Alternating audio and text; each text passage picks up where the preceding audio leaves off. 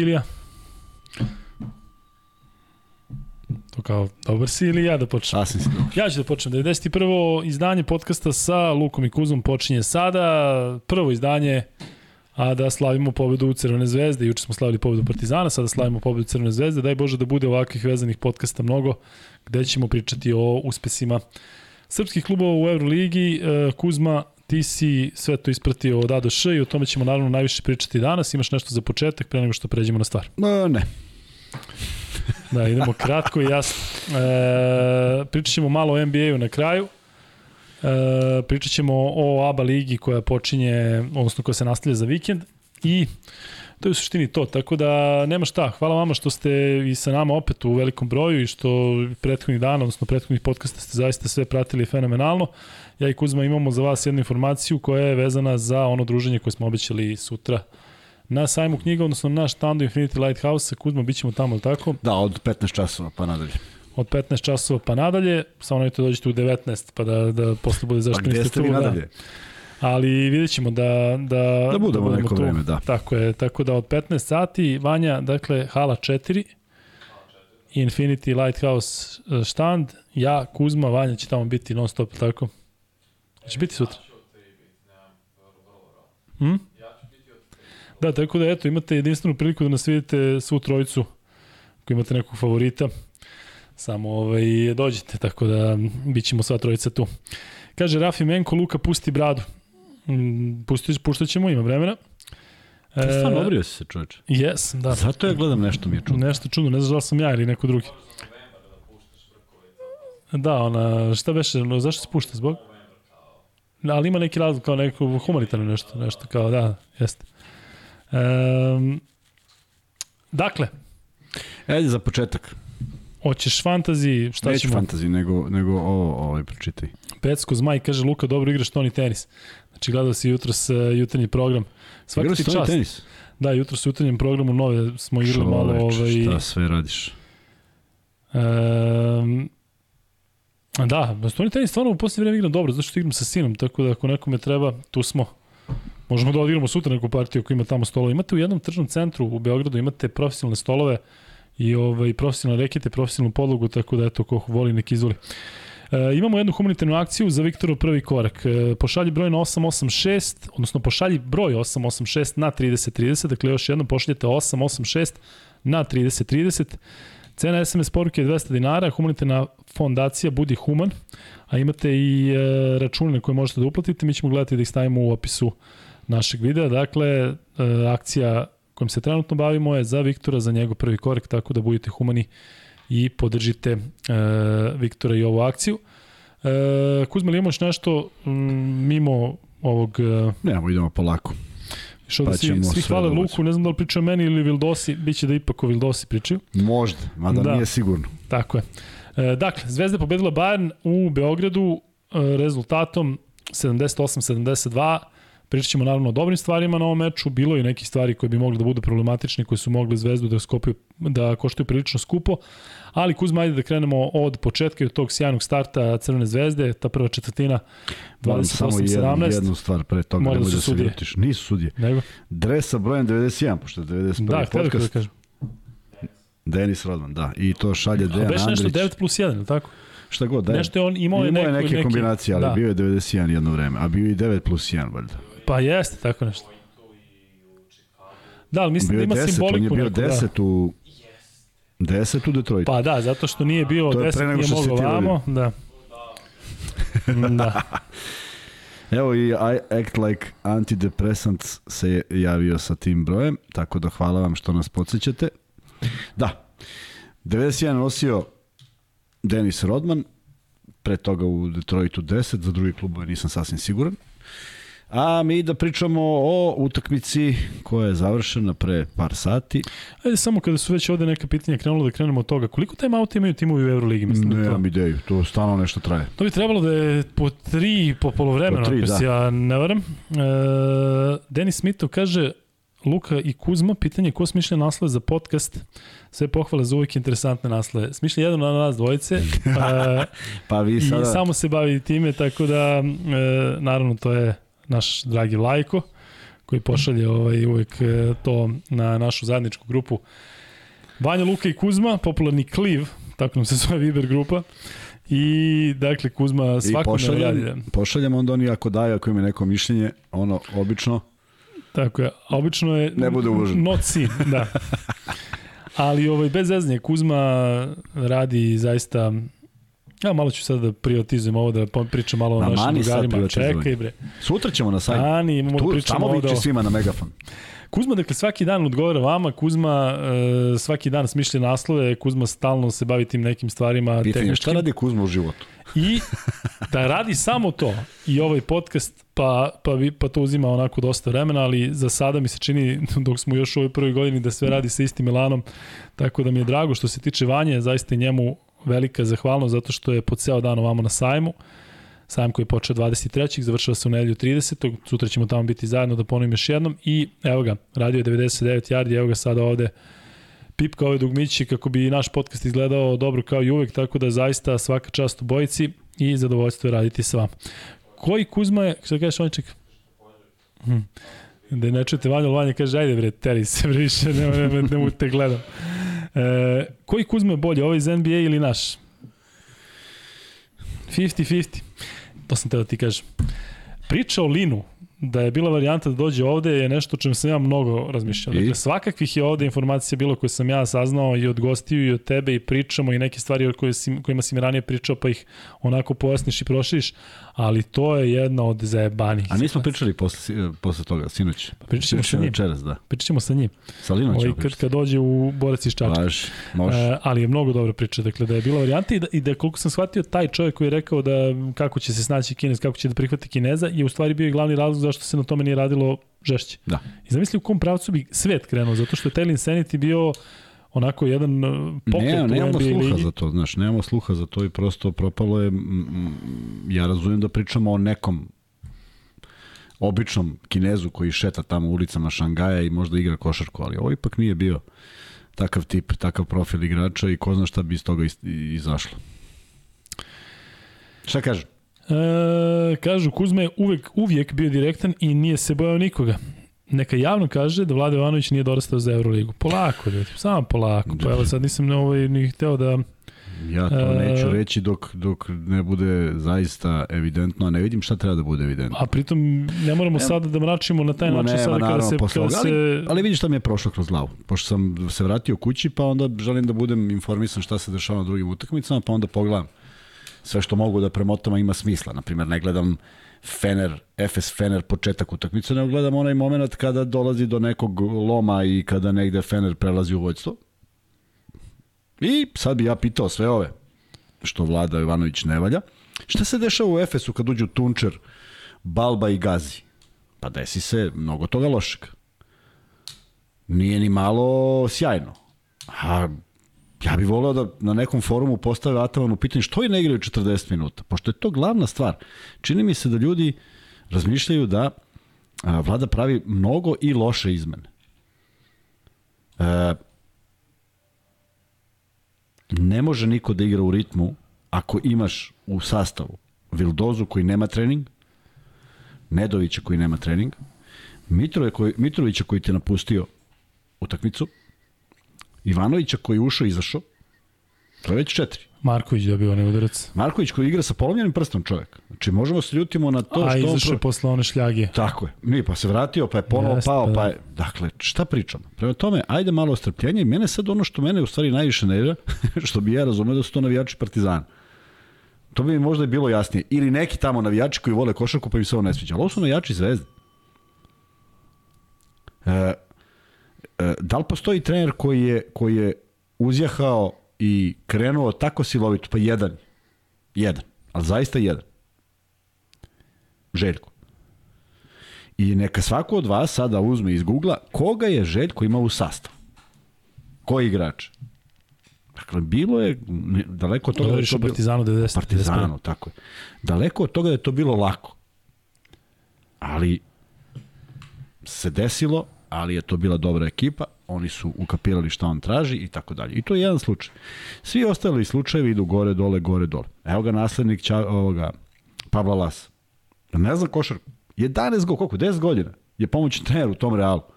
Šta je, Real ga voli i drži ga tu zato što on ne radi ništa. Radi ozbiljan posao. Nešto ne valja.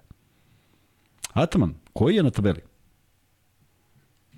E, Skariolo, koji je na tabeli? Mesina, pa izgubio 20 razlike bez borbe. To je krenulo negde u drugoj četvrtini, ništa. A možda su svi zajedno upisali jedan minus da uopšte neće da jure. Ne znam. Dakle, deluje mi, naravno ne znam šta piše štampa u Turskoj, Španiji, Italiji, ali mi deluje da je ovde apsolutno svaka izmena pod lupom da li to valja ili ne valja. I onda kada čovjek pobedi, onda ne valja što je pobedio. Ili neko misli da ove utakmice treba da bude 25 razlike za zvezdu. Pa važi. Mislim da nije to, nego više su ljudi e, onako u nekom rebusu zbog svega onoga što se dešavalo u završnici, vidi se koliko je bilo nekih nevjerovatnih grešaka. Prosto nevjerovatnih grešaka. Šta to on može da uradi? Evo ja, ja sad želim da znam šta može da uradi kad neko da pas u ruke. Evo, da ja sad pitam bilo koga, šta može trener da uradi kad Vildoza bazi najgluplji pas u istoriji čovečanstva? Onaj preko celog terena. Koji srećom Lazarević. Lazarević da, pa dodirne. koša. Pa mislim. Pa vidi, da je ovaj rekao, ajde ovako, ajde uradi nešto najgluplje što možeš. Prvo bi bio da nekom da pas ispred sebe protivniku, to je, to je jedino što je iznad ovoga. Ne postoji ništa toliko loše. Ali nije bila jedina greška, znaš da je prodato da su dali loptu u ruke, naravno, pa on koliko prvo... promašenih trojki je bilo, inače bi moglo da ode u potpuno drugom pravcu. Slažem Mislim se. da je zato navijači iziritirali. Evo, ko? Pa čekaj, sad svi kritikuju Lazića, je li tako? Da. Svi kritikuju Markovića. Kažu ne može da pogodi, nije to to i tako dalje. Na terenu su, Ivanović nije igrao. Vrlo malo. A na terenu su Vildoza, Dobrić i ko je bio treći? Ne znam. I Nedović. Pa čekaj, to je šest. Ko Holand da uzme da prenese loptu. To je šest bekova. Za trojicu nisu, a trojica su na terenu. Evo, ja bih volao da on pusti nekoga ko je siguran, ali ko? Prvo, kada lopta kad je lopta izvedena, došla je do idejno do najboljih strelaca koji šutiraju slovno bacanje, tako? Nedović je pokupio loptu, što je potpuno smisleno. Nedovićevo iskustvo su dva faula. Nije sačekao da primi loptu, pa da se nešto jadan batrga kome će da doda, nego kako je primio, video je da kreće igrač prema njemu, krenuo i iznudio dva faula. Jedan od Voldena, drugi od Weiler Beba. To je iskustvo. Tako se i radi. Ali ja ne vidim ko je sad to mogao da uđe i da bude sigurniji. E, ko može, ko može da, da, da, da, da predvidi da će Petrušev posle fenomenalne minijature i defanzivno u skokovima i ofanzivno da šutne ona dva šuta ja mislim da ne bi prošla na treningu. Sad, nas trojica, da izađemo da igramo 3 na 3, ja mislim da ne bi prošlo. Ali kako, šta da uradi? I naravno da je odmah iz, izveden, ali šteta je učinjena. Šta je trebalo da uradi? Ko? Mi stalno pričamo, ne, nije trebao ovaj, a ko je trebalo? Tako da mnogo analiza nije oko čega. A tako je bilo i sa Olimpijevićem. Potpuno identično. E, mislim da su argumenti onih koji e, kritikuju Zvezdu prvo, neko je morao da skautira te igrače i da ih dovede.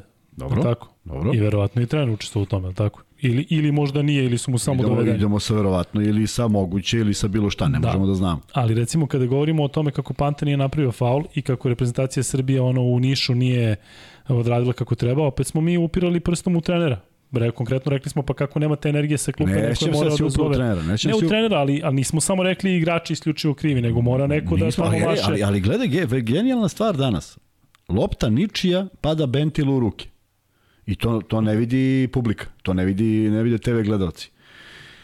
Bentil obilazi Winstona koji do tada igra fenomenalno i zakucava. I Trinkjeri uzima time out i prilazi najsmirenije moguće. Čitaš im sa usana. Ja sedim tu. I kaže, ali zašto nisi napravio faul? Prošao je, već te prošao, napraviš faul. Ovaj čovjek zbunjeno gleda. A šta je trebalo Trinkjeri da uradi u tom trenutku na klupi? Da vikne faul? Pa nema vremena za to. Faul duže traje od reakcije da napraviš faul. Dakle, ima tu mnogo stvari sa kojima se treneri nose i nekako mi ne deluje da su glavni krivci. Kao što ne mislim da je Trinkjeri promašio sve one trojke koje, za, za koje ti kažeš da su bile otvorene. I jesu bile otvorene. Pa je šta je mogu da uradi? Možda, možda može da bude pitanje zašto Zipser nije igrao, tako, Cipser. Ali možda je odgovor 24-8. Jer baš u tom periodu je bilo 24-8. Dakle, sad ja baš da analiziram kako je on igrao i da li je pravedno što je izveden ili nije. Dao dve trojke, čovjek iz dva šuta. Ali mu je Bentil dao dve trojke iz dva šuta. Tako da, tu, stalno pričamo i stalno se vrtimo, a još uvek ekipa nije kompletna. Onog dana kad bude kompletna, radite šta god hoćete i pričate šta god hoćete. Jer onda znamo ja, ko je na klubu. da će uopšte doći do toga. Ja ne znam da li postoji jedna ekipa u Euroligi koja će biti kompletna. Partizan trenutno igra bez Avramovića, kako kažem, da motor tima, bez Smajlagića, povređeno još nekoliko igrača. Dakle, uglavnom, timovi u ovakvom Vidi, ja, ritmu imaju povređeni igrača. Slažem se, Vidiš, ali... Ba, evo ti primjer Bayern. Dobro. Tako? Dakle, Bayern ima dosta povređenih igrača, dosta rovišnih, dosta onih koji kažem, su, koji su... Ne kažem apsolutno, ali Nedović je zvezdi što je Larkin Efesu. I sad ja ne mogu da poredim s nekim drugim. Dakle, da je to samo neki igrač u rotaciji, ok, može bez njega uđe neki drugi. Ali za Nedovića konkretno mislim da ovo što je danas odigrao u nekoj polu snazi je bilo izuzetno. Uh, u pravom momentu. Nije on nešto lepršavo igrao, ali u pravom momentu je poentirao što je vrlo bitno. I igrao vrlo rezonski i odradio neke stvari defanzivno što su me potpuno iznenadile. Nije on baš poznat kao neko ko voli time da se bavi, ali očigledno je shvatio važnost pobede i a, mene samo zanima šta će isti, isti navijači pisati kada Vlada Ivanović ponovo izgubi. A izgubit će. Tako da, mislim da malo treba biti realan. A, da li mi se sviđa kad neko objavi Lazićevu statistiku? Naravno da ne. Mislim, pa nije jedin. Nažalost nije jedin. Kamo sreće da jest, pa upreš prstom u njega. Tako da, ajde se vratimo na utakmicu kao utakmicu. Fantastično otvaranje, lepršava igra, zatvoreno sve u reketu, uh, 24-8 niko nije očekivao, u tom momentu ili ja pričam o tome i naravno da ne mislim da će to ići 24-8, pa druga 24-8, pa treća 24-8, nego naprotiv. Očekuješ reakciju koja je bila i tekako ozbiljna, e, mnogo su stegli, mnogo konfuziju u napadu Zvezde, svaka izmena je donosila ozbiljnu konfuziju, tako da uh, mislim da je negde glavna stvar koja se desila na toj utakmici bila taj preokret na kraju poluvremena i dve trojke koje su postigli Vildoza, Vildosa i Nedović. I da je to potpuno negde preokrenulo ceo taj tok meča, jer je Zvezda ipak sa užasnom drugom četvrtinom ušla u treću četvrtinu sa prednošću. Kavkom god, jedan poen, ali u toj utakmici jedan poen je bio kao kuća, pošto je uh, u narednih 15 minuta najviše što je otišla Zvezda bilo pet razlike. Prema tome, uh, ozbiljna prednost, kako god to sad glupo zvučalo, od jedan razlike. I mm, pokazalo se da je Bentil najstandardniji. Šta, ili na kraju znamo šta se desilo, desilo sa tom koronom njegovom? To je ne, čovjek je prehlađen. Ne, ne, čovjek je, čovjek je rekao da jedva čeka da legne jer, jer gori sav. Znači on je prehlađen. Ali nije pozitivan. Samo izgleda nije pozitivan, da. da. Pretpostavljam. Bar tako je delovalo kad je rekao za, na kraju utakmice. Ja idem po televizijama jutro i danas i pričam... Da ima koronu. Pa korona, bit će možda odložena pa, utakmica. čitaš vesti sa Facebooka. Pa kao. Pa ti si mi rekao da ti si tu pročito i kanalčina, sutra odmah kanalčina. I Bentil? Bentil je najstandardniji, apsolutno. Martin?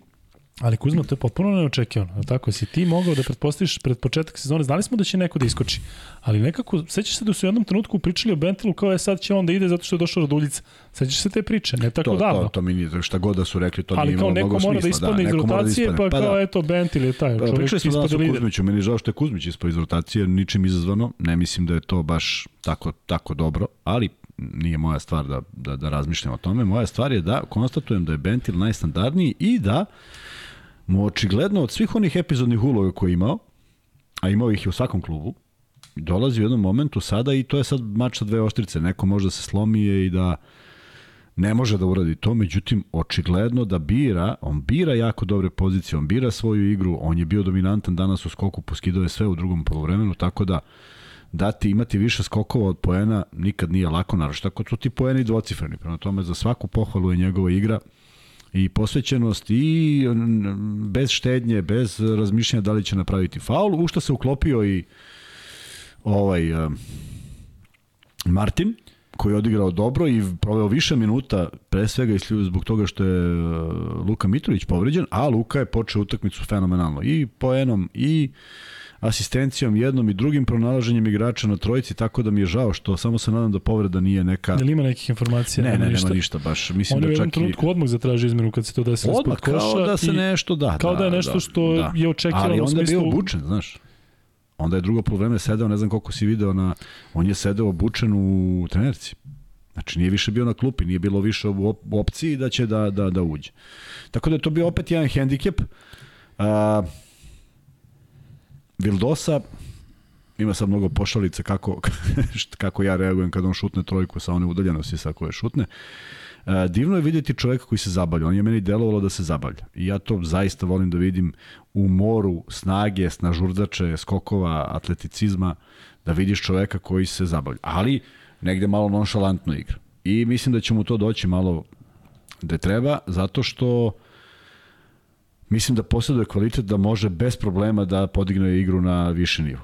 Ako ne bude se zabavljao pretarano driblinzima, ako igrao, bude igrao jednostavnije i u krajnjem slučaju da upozna malo svoje saigrače gde ko ide, jer on je ipak imao uz ovaj učinak i šest asistencija, što nije malo. I šest skokova. I šest skokova, što takođe nije malo, a sad zamisli kada oni Nedović malo krenu da se prepoznaju, pa tu bude još dve, tri na čist šut. Nedović danas izuzetne šuteve izabrao u pravim momentima, siguran sa slovnih bacanja, defanzivno vrlo korektan, bio je neki sudar u jednom momentu, pa, se, pa je on malo teže ustajao, pa rekoh nije valjda da se ponovo nešto dešava, tako da ja verujem da svi oni koji su gledali mogu da budu zadovoljni Nedovićevim izdanjem za, za prvu utakmicu.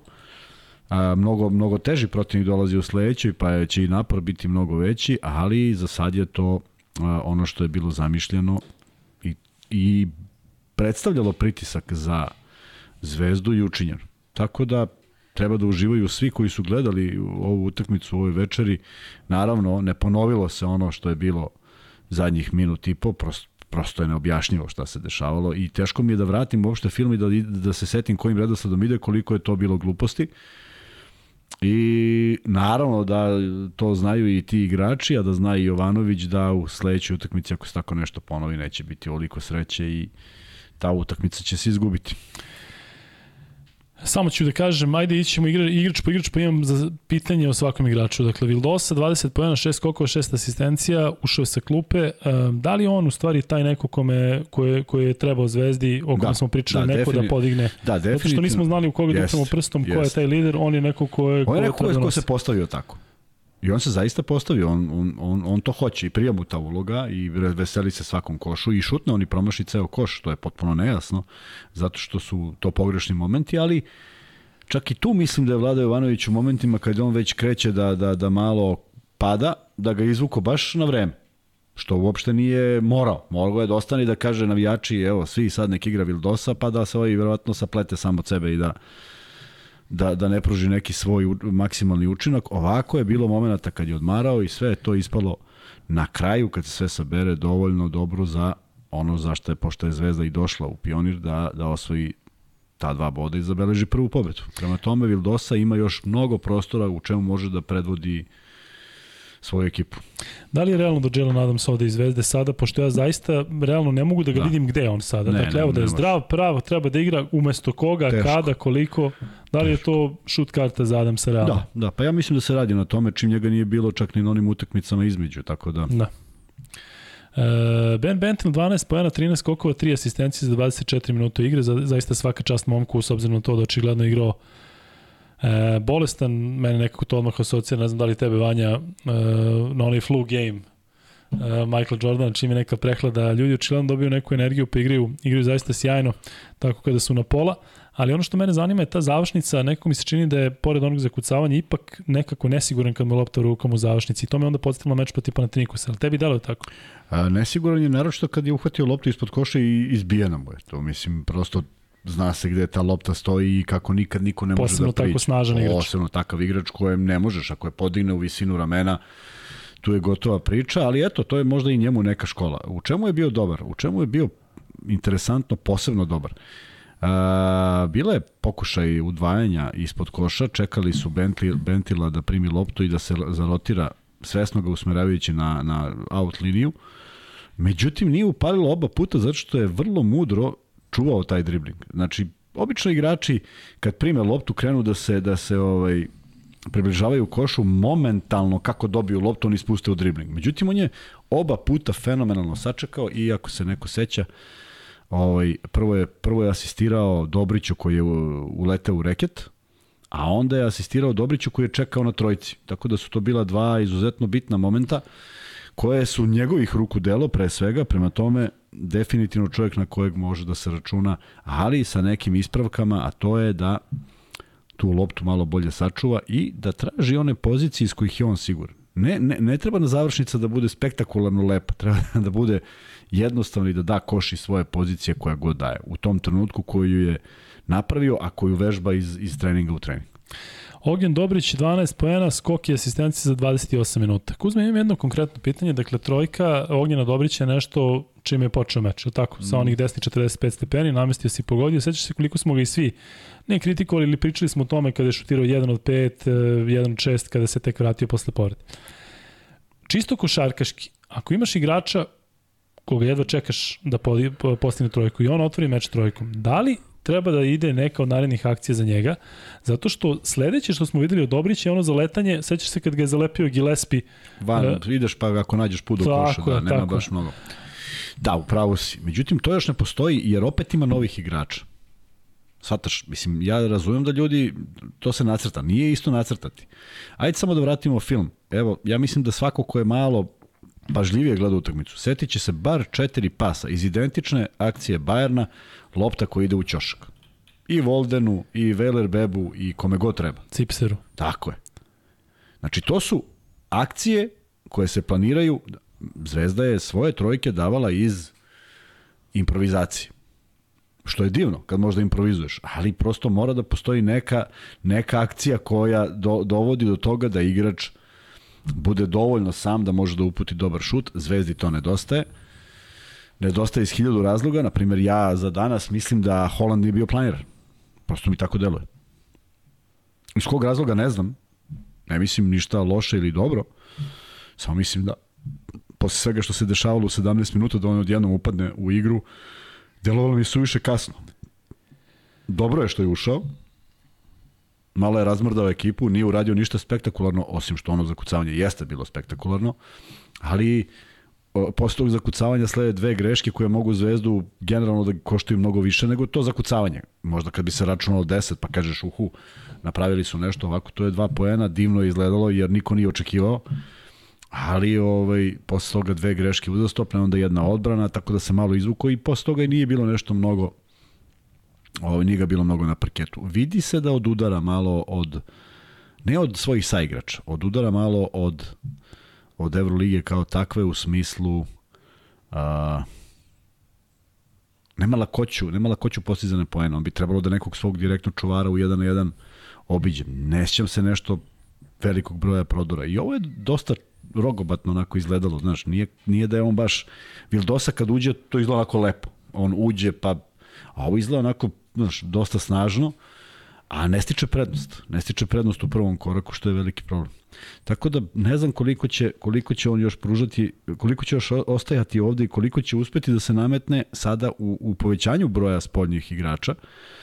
Uh, a mislim da a mislim da mnogo toga može da zavisi od njega. Ali u nekoj jednostavnoj igri da Holland bude cipser, Da Holland bude taj koji čeka, čeka. loptu. Pa da, da, ne da mnogo izmišlja, ne da mnogo on ovaj, da, on izlazne kretnje gde potrošiš snagu pa onda šutiraš. On je potroši, što je najgore, ne stikne prednost. Da.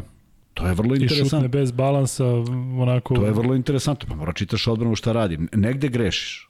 Negde grešiš, ne može baš... Ako, ako postoje dva bloka, stvarno je teško da taj bude maltene tebi da ti diše za vrat ako si ih dobro iskoristio. Ali to su neke stvari koje sad jako teško promeniti. Sad, šta sad, oni sada danas su trenirali, danas su igrali i sutra dolaze na trening kao vežbaju kako se prolazi pored bloka. Mislim, nije realno. Da. nije realno u tim godinama da mu to da, pokazuje. Da, on ima 33 banke pa, čovjek. Um, Andrews i Holland, kada smo već kod njih, prošle godine su zaista igli sjajno u bursi, međutim tamo su imali i veću slobodu. I kada promaši šut, nije, nema uzdaha u dvorani. Jednostavno, ja se sećam da je Holland u bursi, čim je došao tokom uh, sezone, da je odmah uzimao po 3-4 šuta za redom. Uđe, uđe, ne uđe, ne uđe. Da li je možda previše za neke igrače Euroliga i timovi od kojih odmah očekuješ sve odmah. I zato možda ono što smo pričali o Andruzu u Panatinikusu, ja sam išao tom linijom. Ne da možeš ti da očekuješ da. da Andruz bude u boju Čekmačevu i u Bursi, isto što i u Panatinikusu koji je. gradi novu ekipu i jednostavno nema, nema strpljenja. Potpuno se slažem, bez obzira što ih doživljavaš negde kao dobri igrače, ali prosto drugačiji je sistem. Sada, uh, svaki sistem, pa i loš, je sistem. Možda on nije dobar za ono kako ja i ti vidimo košarku ili kako bismo košarku mi igrali, ali postoji neki sistemi koji daju rezultat. E, ja mislim da je Olimpijević kod njih pronašao tu hemiju kako njih dvojica, trojica koji su bili glavni strelci, da igraju faktički basket. Nije ono bila neka spektakularna košarka. Koliko su oni dobro koristili i dobro poznavali momente kada, ko, gde, šta i svakome je delovalo dosta haotično, a oni su tačno znali šta rade. E, tu je Holand bio fenomenalan. Međutim, sad kad uđeš u, neki, u neke kretnje gde zaista zavisi od pravovremenog prolaska, od tajminga kad je lopta na playmakeru, da li ćeš ti da izađeš desetinku kasnije ili ćeš da poraniš, to su neke stvari koje stvarno treba da, da, da se slegnu, a ne znam da li mogu, ne znam da li ima vremena. Jer e, sledeća utakmica je Monako, Monako je mora da bude poseban izazov za, za Holanda. Prvo, ogroman broj američkih igrača, jedan od najboljih na parketu, želećeš nešto da mu pokažeš. Znači imaćeš motiv više. Pa ajde da vidimo kako to izgleda. Tako da biće mnogo, mnogo loše ako to bude jedna od šest utakmica, a ako, ako može da se iskoristi, onda treba podhitno. Idemo dalje sa igračima, ajde prošli smo Holanda. E, naredni koji je na ovoj listi je Nemanja Nedović koji je dao 11 poena i dve asistencije. Meni delo da je mnogo značajno kada tako se vratiš posle povrede i mnogo se očekuje tebe da je nekako, bar tako deluje, bitno to da imaš dvocifreni učinak. Znaš, nekako, nije, delo mi da nije isto 8 i 11, iako to samo razlikuje jedan šut za 3 poena. Ali ono sa čim su pojedini ljudi sa kojima sam ja pričao imali problem, to je tajming, ne kažem da imam rešenje, ne kažem da, da, da se slažem sa tim, ali tajming ulaska Nedovića, gde je Zvezda imala odličnu seriju i kako je Nedović ušao odmah i posle 3 sekunde napravio faul, poslao protivnika na liniju penala, pa je bilo neke nesigurnosti i tu je Bayern počeo da se diže. I napravio je, napravio otprilike preokret u prvom polovremenu kada je Nedović ušao u igru. Je li tebi delovalo tako? Ne. I koji je u suštini, u suštini tajming igrača koji treba da uđe, kad treba da uđe? Pa, zar nije to divan moment? Napravio si razliku, ne možeš da upropastiš toliko. Aj sad idemo drugom logikom. Nije to bio tajming. Međutim, desilo se da su ovi sa 24-8 došli na 40-40. E, onda Nedović. Sad, da nagazi šta? Pa on, on naprotiv, on na velikoj zalihi, kao kad ubacuješ mladog igrača. On je sad mlad igrač, od kojeg ne zna šta da očekuješ, ne zna ni on. I prvi šut je šut iz Grča. On je šutno, videlo se da to nije ona njegova, da. njegov izbači.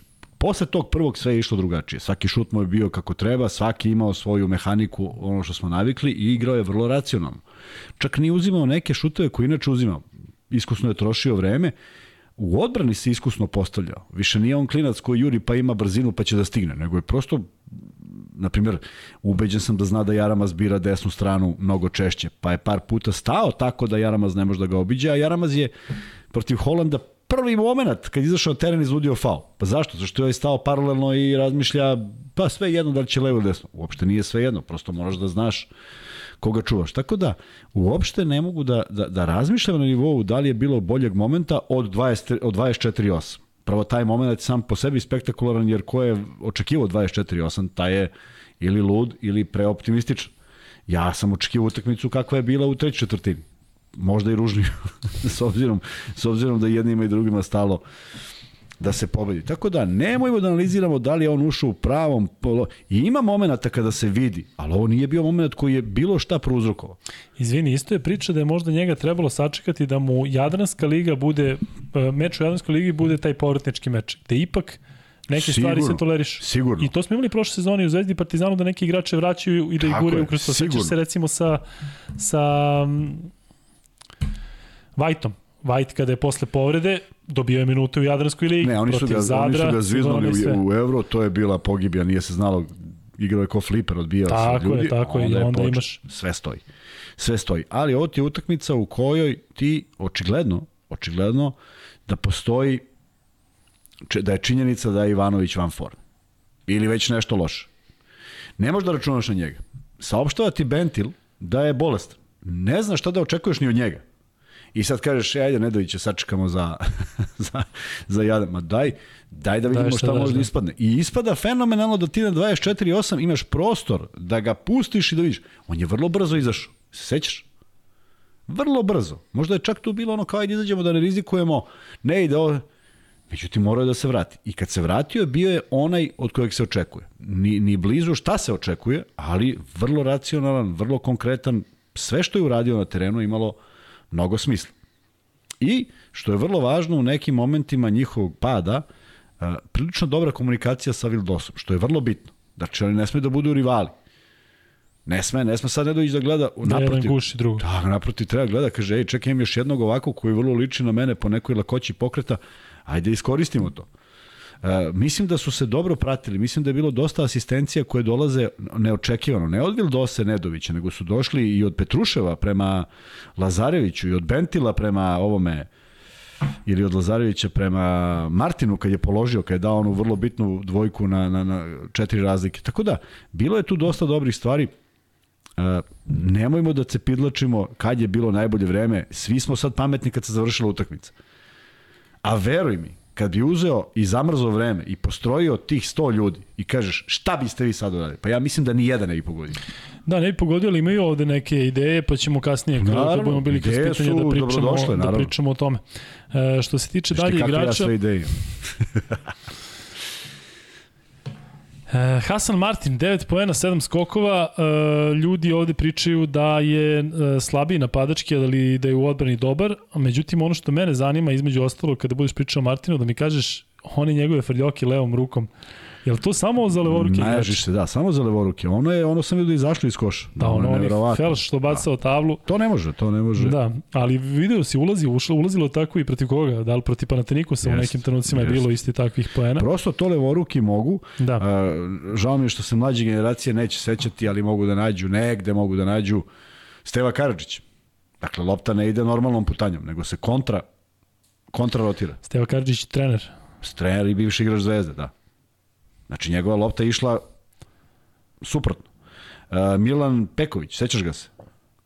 Ta lopta išla svakako, samo ne u rotaciji. Da. Dakle, to su sve le- levoruki igrači koji posebno, poseban osjećaj imaju. Ona jedna što je jako lepo primio, prvo je odskočio u levo. Ja sam se potpuno pogubio, ja sam mislio da je van balansa. Pa kako će, prošlo mi je kroz glavu kakav je ovo potez, međutim, on to je izbacio, ona se zavrtela na obruču Da. i sva sreća skliznula.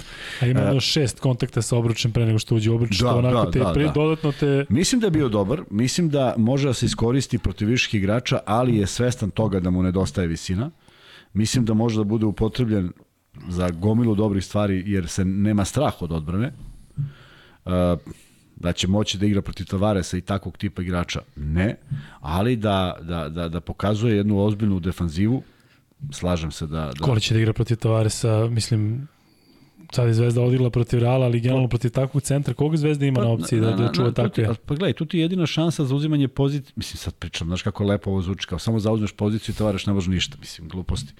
Ali e, vrlo je bitno za uzimanje pozicije i nisko težište. Znači, Tavaresa jedino što možeš da izbaciš to je da ga izbaciš dupetom po kolenima. Ne može drugačije. Ako te on unese u reket i zabode, pa samo možeš da gledaš da će lopta da se odbije. Ne Svi ti ogromni, je. Komađe, onda ovaj Jusufa Fali iz, iz je, svi ti tako. preko 2.20, E, to je ali jedino. ako si ti stao tako, da, da, da, da je on malo, nema tu koraka i ti ga malo kontrolišeš, to je jedina šansa. Jel to bilo ono o čemu smo pričali za Jokića, da ti niži igrači kada ga malo izguraju, kada ga malo Budemo- nakon na niškom da, težištu, budemo- pa onda on jeste, bude nesiguran nesi- nestabilan, u sebe tako. kako da krene. Tako je. Tako da svaki igrač ima tu, tu naravno, to je potpuno normalna stvar i, i nije lako igrati.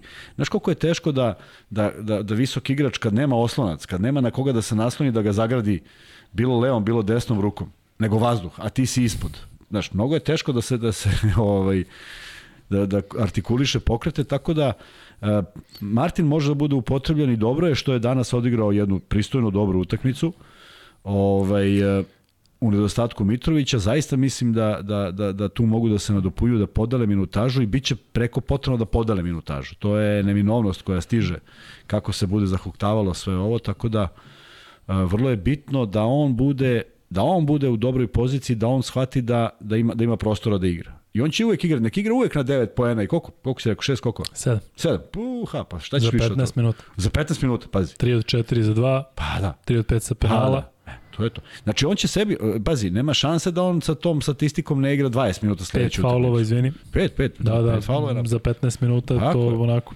Ali vidiš, nije bilo ja neću napravim faul, što je vrlo bitno. Tako da, e, apsolutno je zadovoljio i mislim da je da je dobio veću minutažu zbog Mitrovića povrede. To je sigurno. Da.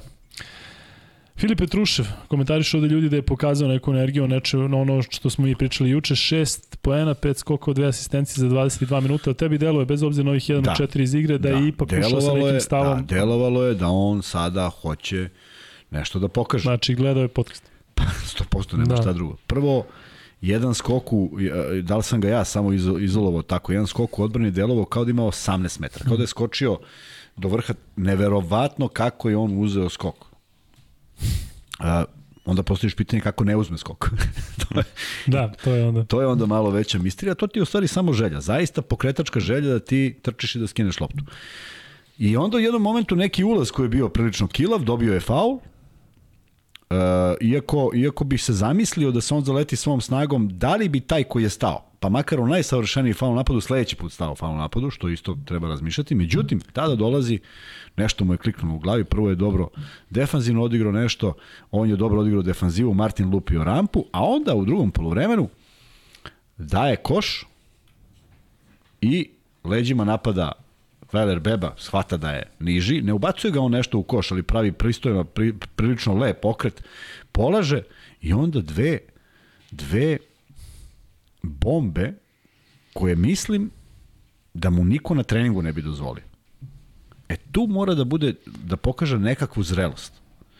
Da moment za floter, čoveka od 2.90 koji možda preleti sve to, nije, a tek nije za fade away. Pritom ne ističe napad. Nije nikakva panika. Naleteo si na snažnijeg. E, naleteo si na snažnijeg, pa ne možeš da prođeš, pokoj vrati loptu. Pa se možda malo bolje pozicionira, pa se ukreni samo da možda izbaciš. I vrlo interesantno, ono što primećujem, a na primjer, on bi mogao to jako dobro da radi. Uh, nijednog trenutka mu ne padne na pamet da napadne svog igrača sa 5 metara lica. On koji ima prilično dobar šut sa polu distance. Uopšte nema okret, nego traži kontakt da bi napao leđom. Pa ako hoćeš da napadneš leđom, onda ga unesi, ali nije Petrušev neko ko je fizički dominantan toliko pa će da se isprepadaju i da, da on prošeta 3 metra do reketa. U svakom slučaju, sam je sebe izao iz igre i nadovezujem se na ono što je Željko Bradović juče pričao za Koprivicu i to je to. Dakle, da je Petrušev odradio ta dva poteza, ne da je pogodio košar, nego da su to bili pravi košarkaški potezi, on bi ostao na parketu. U to sam ubeđen, jer on uopšte u tom trenutku ne igra loše na obe strane. Ali deluje kao da taj potez, isto da se razumemo, da neko ne misli da mi se dopalo kad je Vildoza šutno trojku i promašio za pola metra. Pa naravno da ne opravdavam to. Ali, kad bi vlada izbacio sve, ne bi imao ko da igra. Ne. Dalje, dakle sledeći igrač je Lazarević, e, odlična. partija. 4 poena, 4 skoka za 20 minuta, deluje da je defanzivno to bolje nego u napadu, ali Kuzma, da li i ti vidiš e, njegovu nesigurnost prilikom šuta za 3? Naravno, no, vidim je već 20 godina, znam ga odavno.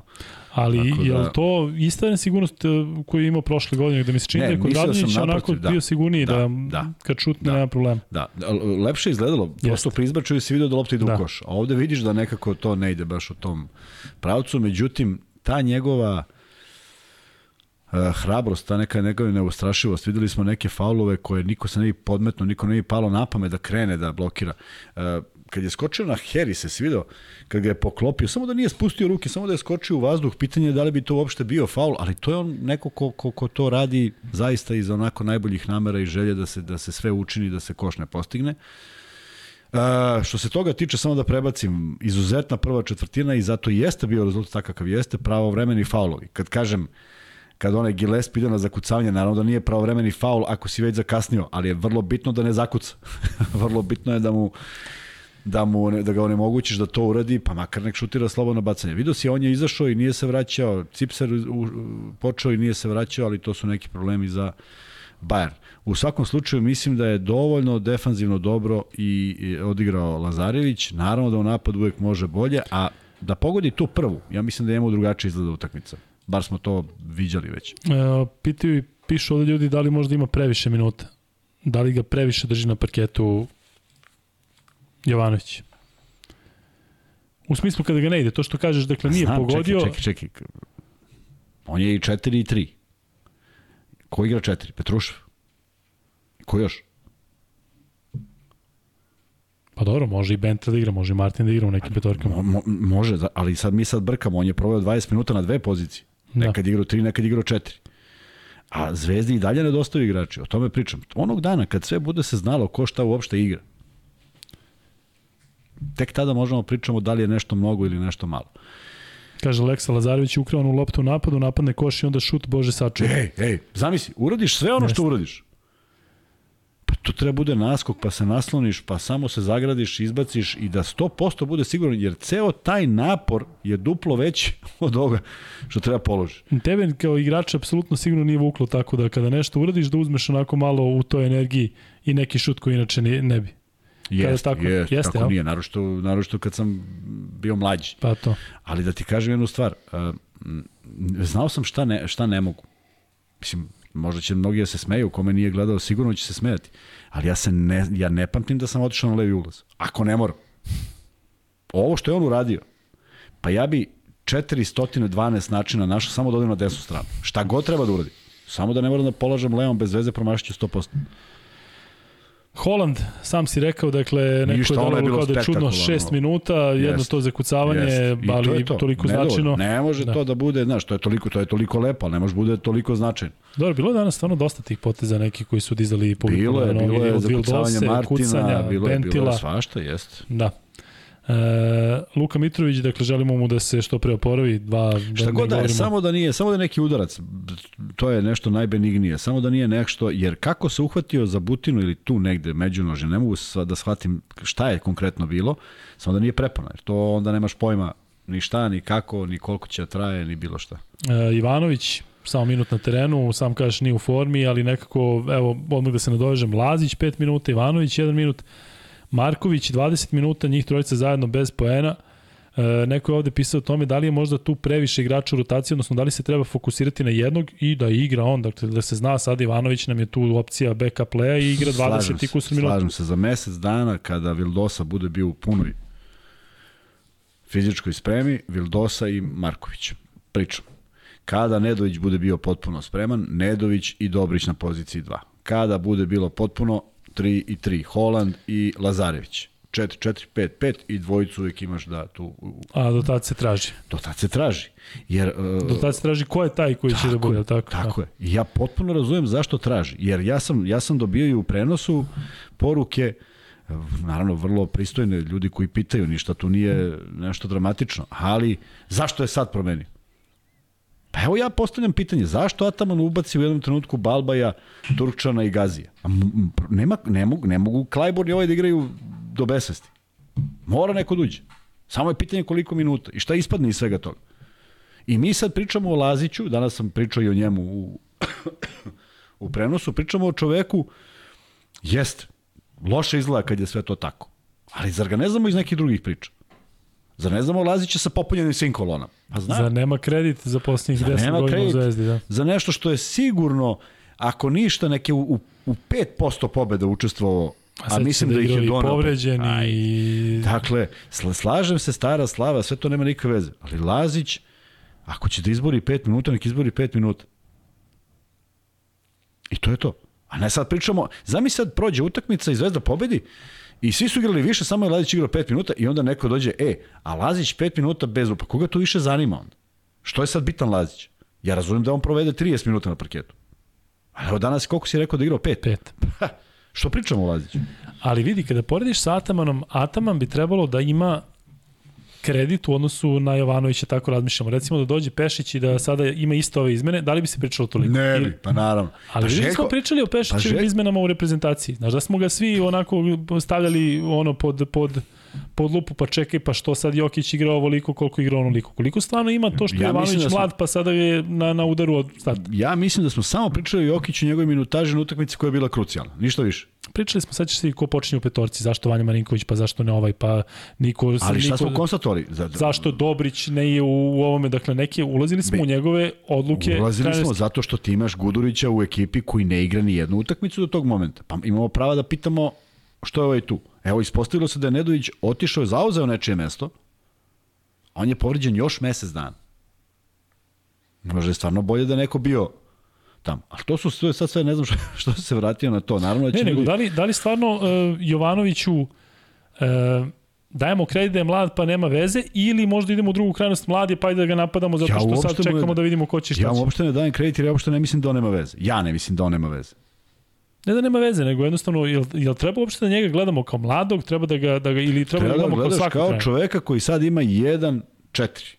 Prvi pobedu u Euroligi. I treba da učestvujemo u tom nekom veselju njegovom. I da kažemo svaka čast. Da čestitamo, naravno. I da čestim. Kao što I smo ja sam, znali naravno, da budemo kritični svi kada je bilo je. 0-4. Ja nisam čovjek koji je njegov prijatelj ili bilo šta. Ali ja sam poslao poruku, mnogo mi je drago. Jel odgovorio? Pa naravno da je odgovorio. Zato što je normalan čovjek. Pa ka- kaže, molim, mnogo mi je drago, ali zamoli ih, u podcast. ali zamoli ih da više ne igraju ovakve završnice, on kaže zamolit ću ih, pa se sme. Dakle, hoću ti kažem, e, e, drago mi je što je jedan mlad čovjek dobio mogućnost da vodi i uspeo da, da pa evo mi sad gledamo sve one, sve one statističke podatke trenera. Pa je Trinkieri krenuo od 100? Pa nije, krenuo od 1. E, si siguran da nije krenuo od 0,4? Ili da nije imao četiri da. poraza redom? Pa daj malo da... Šta, mislim, tako je kako je, ali, ali ima, momen, ima vremena da se, neke, da se neki računi svode, ali ajmo da vidimo prvo zvezdu u kompletnom sastavu i da vidimo kako će to da izgleda kada izađu na teren i kada se tu nešto bude. Jer i dalje ne vidim šta je na 1-4 osim Panatenikosa problem u rasporedu u kojem je Zvezda imala. Ne vidim, ne vidim ni šta je problem Partizanovih 2-3, da se razumemo. Samo mi je neverovatno da nije makar još ta jedna, jer, jer su bili bolji za tu još jednu. To je problem. A Zvezda nije bolja bila ni od koga, jer ako jeste od Panatanikosa, pa prosuli su to u 2,5 minuta, kao što su danas prosuli u 45 sekundi. Šniš da se neko veseli zbog toga. Šniš da taj igrač koji uđe konstatuje dobro da je bila dobra utakmica. Pa i oni se prekrste kad uđu u slačionicu i pitaju se šta je ovo bilo. I svako hoće to da ispravi, to bez sumnje. Tako da niko ne uživa u ovome da gleda. Verujem da je bilo no, mnogo loših ovaj, reči upućenih igračima. Stvarno, bre, neko će da, da mu strada srce od onakih gluposti. Bojan Bukvić je donirao 1000 dinara, hvala ti puno i kaže... Bojane majstore. Kom igraču biste vi lično dali dozvolu da najviše šutira u Zvezdi i Partizanu, najzanimljiviji late night live? Pijes, ako se sećate, slao sam vam pozdrav iz Seula. Pozdrav za tebe. A, iz, iz hotelske sobe imao je COVID, je on? Je, je, pi- piši da li si ti, ali mislim je, da je to iz 100%, nema Seula. Da. drugi. I Imamo ovaj, iz Seula i iz Tanzanije. napiši nam malo kako je tamo, zato što ovaj, neko ta Koreja je ima neku težinu majku, ne znam zašto, možda zbog ovaj Gangnam Se, Style. severna, severna. Da. Ovaj i Da li nas neko gleda u Severnoj Koreji? To je interesantno. pa gledali bi nas kada bismo pa u. Severnoj Koreji otišli. E, Južna Koreja je interesantna zbog toga meni, zato što kada radimo neke prenose i kada imamo igrače, igračice ili reprezentacije ili timove iz Koreje, ne znam, ti mi ti pojasni, da li su oni i dalje Južna Koreja, zato što su zvanično svuda samo Republika Koreja i na dresovima i sve. I onda sam čak našao na Wikipediji da je sad to kao prihvaćeno da je Koreja, da nema više Južna. A mi ih i dalje zovemo ovaj, tako. Nebitno. Otišli smo malo u stranu. Kuzma ima jako puno pitanja, ali hoću pre nego što krenemo na pitanje o Zvezdi, ima i komentare, ima i svega i svačega. Hoću da mi samo malo prokomentarišeš Bayern, dakle iz ugla i trenera i ovih naših igrača i e, da li ima neko nov, pošto ima dosta novih igrača da te onako malo... e, Winston je neko ko je zaista, kad je ušao s klupe, promenio tok utakmice. Apsolutno u nedostatku Šiška, u nedostatku Huntera. Dakle, nisu to Mika i Žika koji igraju tamo 11. i 12. nego vrlo bitni šrafovi za igru Bayerna unazad nekoliko godina i naravno da se osjeća njihovo odsustvo. A, to su njihovi problemi koje imaju i e, sve se to promenilo kad je faktički Winston ušao na igru. Kako se zove momak koji igra poziciju 1, visoki, visoki, visoki? Njihov. Aha. Bonga, Novi. Bonka, Bonka. Izak Bonga. Bonga. Ne, neverovatno, neverovatno koliki je i ne deluje uopšte da je na pravoj poziciji kad čuva nekog Da. u Zvezdi, a mislim da može da ima da, da napravi dobru karijeru, ima mnogo rezona i mnogo dobrih stvari, ali nisu nisu eksploatisali tu svoju visinu, bili su visinski nadmoćniji od Zvezde, međutim je Zvezda je uspela da izdrži sve to baš sa tom visokom petorkom i da pokupi sve lopte, ali Winston kad je ušao promenio je, uh, Holden kad je ušao promenio je, uh, uopšte nije gušio loptu kao što je to radio i u Zvezdi i u Partizanu sa, sa nekih ljudi igrao je vrlo racionalno, moguće da mu je to Trinkjeri negde i objasnio da je mnogo bolje. Bio je ozbiljan problem kad je vezao one poene. Uh, ali nedostaje uh, reket. Reket nije bio popunjen, u reketu Harris ako može da baš dominira u reketu, jeste dao 2, 4, 6 poena, ali nije to bilo dominacija, niko drugi nije iz reketa osim uh, ovoga Pomozi mi. Gillespie? Ne, nije ni igrao Gillespie. Ovaj bre što je promašio sa silna penala. E, kako misliš ni igrao Gillespie? Pa igrao na početku. Pa igrao samo dva minuta. Da, da. Kako se zove što je izašao? Pa njihov centar. Crni. Što šutira fade away lepo. Gotovo, sami mozak. Ribit. Rubit. Augustin Rubit. Rubit. On je neko, ali ima ozbiljan problem kad primi loptu malo van. On na koleđu tamo gde sam ja bio. Ali jeste? Na South Alabama. U isti grad su da, da derbi, derbi grade. Ali ovaj, e, on je tu neko ko jeste promašivo slovno bacanje, ali neko mi dao da on ipak smislenije igra. Igra, igra. Ostalih, ima samo problem da, da, da ako je blizu koša... Viš kako digne na fintu i sve. Ako je blizu koša, dobro rešava. Ako on treba da nazida, da. jako teško mu ide e, prvo što nema taj gabarit, gabarit, nema tu snagu, ne može da unese nekoga pod koš, ozbiljna muka i ne dođe u poziciju koja je adekvatna. Međutim, onaj moment kad je napravio fade away šut i kako je to elegantno izgledalo i onda mi je prosto bilo neverovatno da to ne radi, ne radi češće ali dobro je što nije radio, tako da... E, malo samo što me ti iznenađuje što Obst igra jednu u reprezentaciji, drugačiji igra u Bayernu, ovo je druga sezona za redom, čovjek sedi na klupi pa onda kad uđe dole da nema akcije za njega, to ja mišljam onakvog šuta. Vidiš, pričamo, pričamo o čoveku koji, koji se nalazi možda na pogrešnom mestu, negde na pogrešnom mestu, ili u reprezentaciji ili ovde, gde je sad bolje igrao, to je naravno, o, ovaj, videli smo, ali video si čak da, da sam sebi nije našao poziciju za šut par puta, a jesi video sad onaj moment kada mu je Trinkjeri rekao da šutne, pa je šutno u četvrtoj sekundi napada van svih rezona, Trinkjeri je to pozdravio, ali srećan ja, nije pogodio, malo, malo, da malo sad da odmori. Da. Uh, možda ne može da se snađe, možda je... Vidi, a št, kako Winston da prepozna šta on igra? Šta, gledao ga na televiziji? Pa i on je čovjek došao na početku sezone. Šta sad? A onda će Winstonu da objasni, e, sad moraš malo da igraš za opst. Dakle, vraćamo se opet na to trenizi, je li tako? Vraćamo se na to, tako je. Vraćamo se koliko je ta petorka. Vraćamo, vraćamo se do jednom trenutku bela petorka, ako tako mogu da kažem, na parketu Zvezde. Da li su oni na treningu igrali zajedno? Šta misliš? Ovi naši? 4-4 srpska igrača i Vildosa. Da li su igrali na treningu zajedno? Pa dobro, nisu zbog Vildosa, zašto je Vildosa došao juče. Između ostalog, ali da. da li će igrati? Možda i neće. Da. Ali ti moraš prosto da kombinuješ nešto i da odgovaraš na nešto što radi i Trinkeri. Trinkeri je pravio neke niže, više petorke, ovako, onako. Moraš da odgovoriš. Tako da nije baš svaka izmena, e, Vladi Jovanoviću palo na pamet baš neko da uđe jer, jer mu nešto sinulo. Tako da mora i da odgovori na neke stvari koje su na terenu. I ja uopšte ne vidim problem, naročito ne vidim problem kad se utakmica pobedi. Da li smo svesni, Kuzma, koliko je ovo bitna pobeda za Zvezdu i koliko bi u stvari bio taj kanal u kojem je sad Bayern tih 0-5? U, da. Dakle, poslednji zakuca na tabeli, više ne deliš ni nisakim poziciju, jedini si koji ne, nema... Neprijatno krajnje. I pritom Zvezda nikad nije bila na 0-5, to je Ilija izneo u, u studiju. Bilo je 0-4, pa je i bilo je nekoliko puta 2-3, i bilo je 2-2, uh, nikad nije bilo 3-1, ali nikad nije bilo ni 0-5, tako da, to jest 0-4 pa 0-5. Tako da jeste vrlo bitna, značajna za pokretanje svega i za činjenicu da jedan od jedna od ekipa koja negde rejtingom, rangom, kvalitetom igrača apsolutno parira Zvezdi. Prema tome vrlo bitna pobeda i Sigurno je moglo drugačije, ali i ovih šest pojena razlike je sasvim okej. Kuzma, prelazimo uskoro na pitanje, ali sami reci šta ovo sad u stvari znači? Šta je jedan prosečan navijač zvezde sada treba da, da razmišlja? Šta je domet zvezde? Šta je cilj zvezde? Šta su ambicije? Znam da će i uvijek, uvijek ćeš ti reći kao što oni kažu izjavama idemo utakmicu po utakmicu, ali je realno iz ovog sada ugla da zvezda uđe u neku formu pa da se bori za neki play-off ili treba to sve da se pravimo da ne postoji pa ako dođe onda da, da pričamo o tom. Šta je cilj? Dakle, evo, ti kad si bio igrač, vjerojatno, pretpostavljam u tim timovima kada ste imali onako jak tim u budućnosti, pa ću se kasnije vratiti jednim pitanjem na to, sigurno je postalo nešto u glavi, e, idemo na četvrt finale, tako. Šta je kod ovih mladih... E... Pa mi smo manuli, mi smo išli na više, ali smo zaglavili u četvrt finalu, da smo imali užasno loš start. Ali ste stvarno pričali o tome?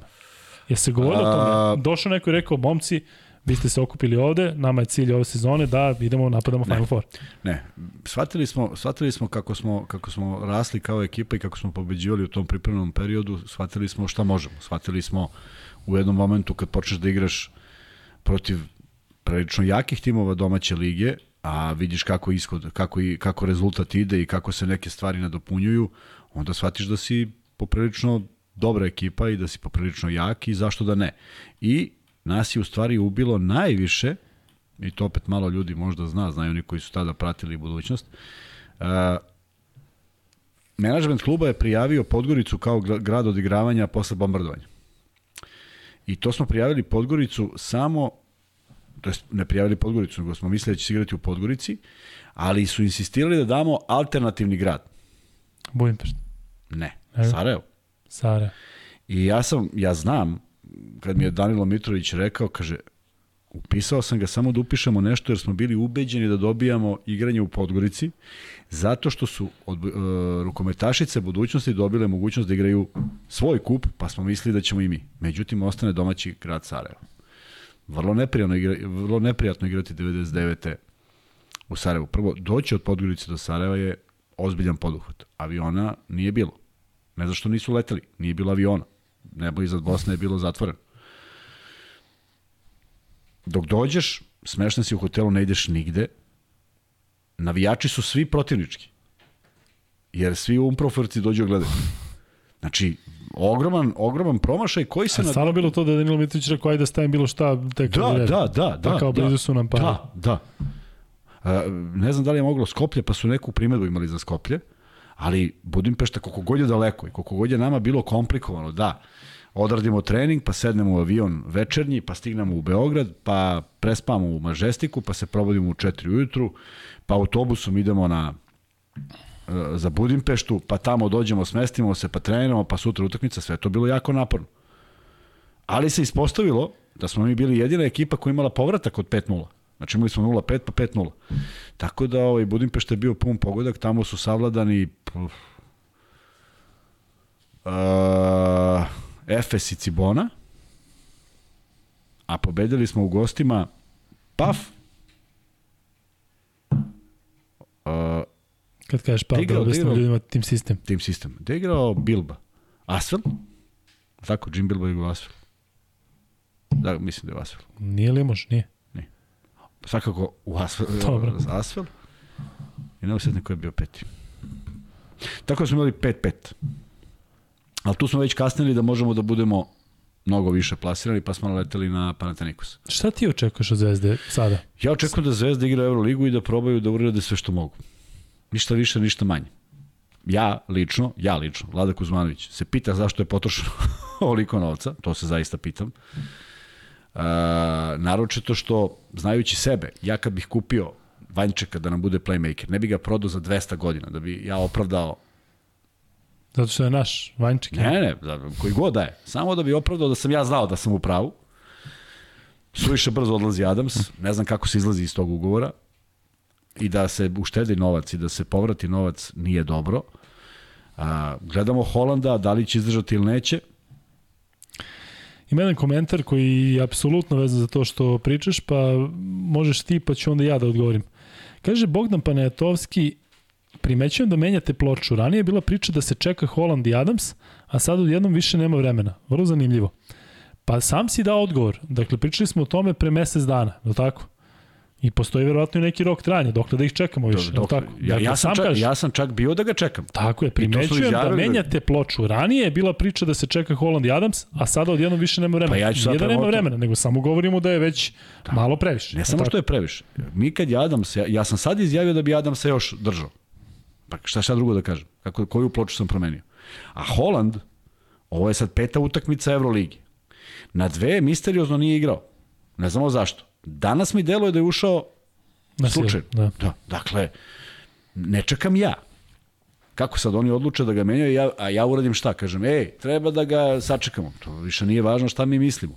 Ja nisam bio za to da Adams ode tako brzo. Isto ko što bi ja volio da Holland ne ode, ali mora nešto da promeni. Kad, u 12. kolu? Kuzmino mišljenje, da li vlada ne računa na Holanda u budućnosti? Kako ne znam, to deluje? Ne znam, deluje mi tako, zaista mi je delovao. Da. Ali ako me sad pitaš da li, deluje, da li računa na Ivanovića, isto bi ti nešto rekao što, što verujem da grešim. Zašto Ivanović zaista mislim da može da igra. Ali, ali on mora da shvati da je potpuno drugačiji kad igra u komforu ABA lige i kad igra Euroligu. I mora da je podnostavi igru. On je odigrao utakmicu sad protiv koga? Protiv FNP. Ko je bio? Ko? Holland? Ne, ne, ne. Prošlo kolo.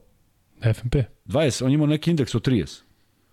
Komfor poznavanja igrača. I kažu, pošto sam gledao samo delimično, da je igrao u, u paru sa Vildosom, pa je imao one minijature sa 45 stepeni. Možda mu to više odgovara. Možda, možda, možda ne može da iznese uh, tere da bude playmaker. Možda može da bude jedna korisna, jedan koristan kombo igrač, zašto da ne. Ali danas možda nije bilo momenta da se to nešto ispituje, prosto u tom trenutku je bilo poverenja za druge igrače i to moramo tako da gledamo.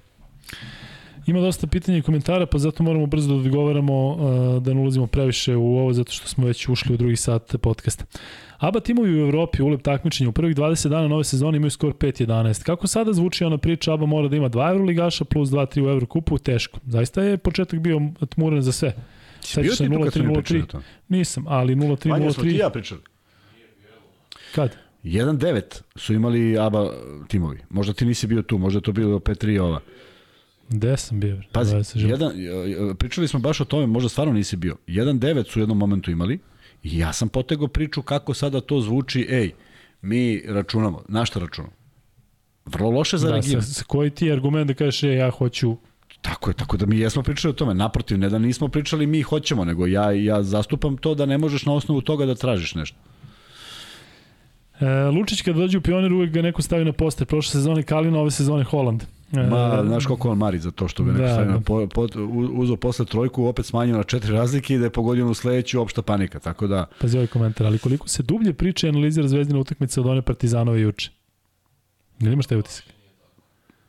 Mnogo, e. smo, mnogo smo više pričali o igračima pojedinačno, sećaš se da smo... te, pa daj čoveku da premota 3,5 sata smo mleli juče. E... Neverovatno. 2 sata, 2,5 sata. Mm, dobro. A, mogu čak i da dam banalno objašnjenje? Ajde. Zamisli kad bi analizirao i rekao za jednog, kao što sam rekao za ove zvezdine, da su užasno odigrali. Aj, za, aj samo taj što je sad to napisao, ja kažem da je neki užasno odigrao, a on se javi i kaže, e, bravo Kuzma, baš si ovo lepo rekao. No, bi. Pa on Sito. bi jedva dočekao, prema tome ljudi, aj malo, malo razmislite šta pišete. E, idemo dalje sa pitanjima, mnogo je. Ajde da preskočimo malo ovo što se priča ovih dana. Da li očekujete igrače Zvezdu u reprezentaciji u Newcastle protiv uh, Britanije? Jesi danas nešto iz onog uh, iz one izjave shvatio da i Zvezda i Partizan dakle daju igrače za prozor ili ne daju ili neke daju, jel znamo, jel smo sigurni u nešto oko te Jel ima spisak? Pa koliko razumem, Pešić se raspitivao koga će da mu daju, pa da onda napravi spisak, verovatno i on razmišlja, neću ja da stavim na spisak sada Jokića za, kada Denver neće ček, da mi ček, da. Čekaj, čekaj, čekaj, za Dokića znamo da neće, ali... Pa, ovde, ovde ja zna da može da odmah ja i kaže, ej, hoćeš da mi ga daš. E, ali ja ne znam da li će Zvezda i Partizan dati igrače za, za reprezentaciju, šta ako nema na spisku nikog. Jel bi voleo da daju za reprezentaciju? Voleo bih, naravno. Po, po, na račun Euroligi 100%, tako? Uh, Čak da. i sa ovim pomeranjem termina. Sa, sa, sa svim, da. Mislim pa, da je to čast svakog igrača, da treba da se odazove da to treba da ima smisla, ne da ih pokupi zato što je sad su oni slobodni, nego da ima neki smisao.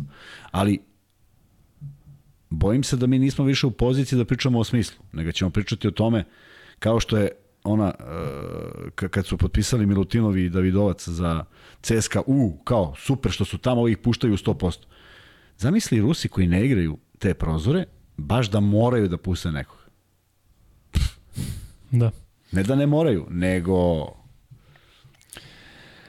Luka, pitanje za tebe, Lesor ili Bentil, jako je lepo poređenje zato što su meni jedan i drugi fantastični na početku sezone i ne volim kad je lopta u njihovim rukama uh, u završnici mečeva. I daj Bože da grešim, najviše bi volio da kažete, evo vidiš kako si, po, vidiš majmune, kako si pogrešio. Ali Tanzanijski majmun. Kada budu, kada budu ovaj bitni mečevi, da li će Lesor i Bentil da donose, donose dobro i Zvezdi i Partizanu. Vidjet ćemo. E, kao navijač Zvezde volim da priznam da je dobar deo igrača doveden samo iz razloga da ne bi završili u Partizanu ove sezone. U to sam 100% siguran. Ako znate nešto, stvarno ja ne znam, ja bih volao da znam i pričam uglavnom ono što znam, a šta ne znam, čak ni ne pokušam. E, priča je sledeća, ovo je zanimljivo. Jovanović ne računa na Adamsa, Kuzmića, Ivanovića, Holanda, Raduljicu, Petruševa, Ilića, Markovića. U smislu ili ne računa ili ih malo koristi. A stvarno deluje tako kada nabrojiš. Ima tih igrača koji, evo, sam kažeš Kuzmić, gde je? Adams, nema ga. Ivanović, je tako? Holand isto, ovo, Raduljice nema, je tako? Ilić ne igra. Je to previše igrača dovedeno za... za ove Znaš koliko zvezda ima igrača? 16. 17. Sa Topićem. Sa Topićem. Je li mnogo? Pet, pet otpada i da računaš na njih. Pet Ali otpada. je to mnogo? Zato što mnogo. smo mi prošle godine pričali za kako je Bayern super, zato što imaju 16 storicu pa mogu mnogo da... Mnogo je ako posmatraš na koga ne računa u, u ovom trenutku. Kad budeš posmatrao sezonu i shvatio da je svako odigrao 10-12 utakmica, možda neće biti. U ovom trenutku da. Ali je to možda pravilno smisleno baš da bi se uh, napravio balans Jadranska liga? Ja bi strašno volao. Liga kasnije KLS kup i sve. Ja bi strašno volao, ja bi strašno volao na primjer da sad ti pogledaš da je ovaj Bentil koji je odigrao utakmicu na ivici života u smislu nije mu dobro, da uleti Kuzmić, da uleti Raduljica, da uleti Ilić, ali ne da uleti da plešu tamo, nego da uleti da se stvarno dešava na terenu nešto dobro. I da sa njima radi uh, Vildosa da ulazi u formu, Nedović da ulazi u formu, dobijaju dobre blokove, malo pap, pap, pap, malo dobrih asistencija. Zašto da ne? Ali mi, ne, ne deluje mi da ima 17 zdravih igrača. A kad ih bude 17 storica zdravih, Jel su to onda, to će biti, jesu to slatke, slatke muke ili su to teške muke? Ako, ako se vlada pita slatke. Da. E, pitanje za Kuzmu, da li su sad igrači Zvezde i cijeli stručni štab ovom pobjedom večera su oslobođeni jednog dijela pritiska i da se sad mnogo lakše diše? Jesu sigurno. Jesu zaista, zato što, znaš, visi ti to nad glavom, propustio si jednu pobedu, ovo je druga utakmica kod kuće. E, ja bi bio oduševljen kad bi Zvezda pobedila sve utakmice kod kuće. Znaš ti koliko je to utakmica? Pihu! Ne, gledaš? Šta se zamrzao? Čem da čitam moj komentar, ne znam da ti ga pročitam. Ajde da čujem. Kuzma ostrašćeni navijač Zvezde, Ma, uvijek bio i ostao. Ne znam na što se vređa, to se vidi, ne znam što se vređa, mislim da je ovo da, pozitivno. Da. I čuje, ne može da sakrije tu njegovu kvazi objektivnost. Jel dobiješ te poruke i ovako nove Instagrame, Facebookove i... Dana, uh, juče sam dobio. Tog tipa, jel? Ne, slušaj, još bolje. E... Sad ću ti reći šta mi je smetalo u celoj poruci. Ajde, možda isti čovjek, čekaj kako Ma se možda, da, naravno. Ako je Nikola, onda znamo da je isti čovjek. Petrušev, isti, isti Nikola kaže, Petrušev dečko baca floater, ima 215, umesto da ide na kucanje, on se gubi. Vidiš da ste vas dvojica isto mišljenici. Pa nestalo mi. Nikola biti na kraj srca. Nestalo ti? A ne, čekaj, čekaj, mora da je pod... A, screenshot. Pa te mi je nestalo sad. Kaže ovako, ko je piše tu? Kako se zove? Nikola Petrović. Pa da, pa on je. On je? Pa da, bre. Isti čovjek. Vlado, košarkaška neznalica. Prenosiš utakmicu KKCZ i ne smeš javno ništa da kritikuješ o onom katastrofalnom plaćeničkom timu Crvene zvezde koji je nikad gori od postojanja. Pa i sad dalje. Katastrofalnom skautingu uprave KKCZ, o čemu ne smeš ni reč da progoriš, jer si vjerojatno i ti deo te priče. Svi vide jednu raspalu igru od penzionera i prosečnih stranaca, katastrofalnog trenera, jedini ti nešto palamudiš na TV-u o nekoj formi i uzdizanju. Sramotiš sebe o neznanju košarke, KKCZ se već to bori za 12. mesto, dok je takvih neznanica ko ti da vode prenose utakmica i sramotno podržavaju raspali sistem. Meni samo smeta u sveme ome što mi ne persira. Jer gledaj koliko bi to lepše zvučalo. Vlado, košarkaška neznalica. Ne smete javno ništa kritika. Razumeš? Ipak je nepoštovanje. Jer ja ako sam dobro video sliku, mislim da otac mogu da mu bude. I ja samo se nadam da njegov otac ako je živi zdrava, nadam se da jeste, ne čita ovo. Jer ne mogu da zamislim sebe, da se obratim 25-30 godina starijem čoveku u bilo kom kontekstu. U... Ja verujem da svi gledamo neku televiziju da nas neko iritira. Znači, posljednje što bi uradio da mu se nekad I obrati. dan danas, kad bi naišao neko od 75 danas. godina... I dan danas. Da. A ne bi ni mlađe, a ne starije. Da. Tako da, Nikola, nastavi ti da pišeš, tu bar znamo da, da si ti. Da, e, idemo dalje. Veliki broj preuzimanja je nedostatak individualnog defanzivnog kvaliteta gde ne mogu direktne rivale da isprate. Seti se reprezentacije da protiv Italije redko koga smo mogli da branimo 1-1. Vidiš tu neku vezu? Uh, uh, mnogo je možda diskusija da bude oko toga. Uh, Zvezda je preuzimala apsolutno sve u završnici napada, što negde je verovatno jeste rezon. Ali nije li Fener sa Željkom apsolutno imao takve igrače da mogu da preuzmu sve. I tako koncipirao tim. Dakle, nije sad strašno preuzeti. Strašno je kad preuzmeš, a ne moraš. I dešava se u pojedinim timovima da ekipa protivnička uđe u akciju i oni preuzmu. Ej, u prvu kretnju, koja čak nije ni za koš, nego onako najbenignija, znaš, nešto da urade, i tu se preuzme. I to je neobjašnjivo. Ne može da se baš ide toliko linijom manjeg otpora. Tako da mislim da Zvezda na neki način još i, i, i do, do 8 sekundi do kraja i pokušava. A onda, onda po pravilu ne pokuša čak i ako je moguće. Malo mi to smeta, ali takva je savremena košarka. Nema ko ne preuzima. Ja bih volao da ima neka ekipa koji dalje vodi računa svako o svom igraču. Po svaku cenu. Pazi, ono malo pre Nikola Petrović, a ovo sad je Nikola Petrov. Lazarević iskreno previše... Prvo, misliš da je Nikola Petrović navijač zvezde? Taj ne, što... ne, ne. Ne. Ne, mislim da ne, potpuno mi je sve. Mislim da ne znam za koga navija, ne znam, ne znam. Pa ne, delo mi da se previše troši da nije navijač Zvezde, da se previše troši na to. Delo je stvarno da mu smeta sistem u smislu, naš. A smeta mu i moje Zato što bi da, moje... da je navijač Partizana, da je loš sistem i da je on ubeđen u tom bi rekao super, samo vi furite sve.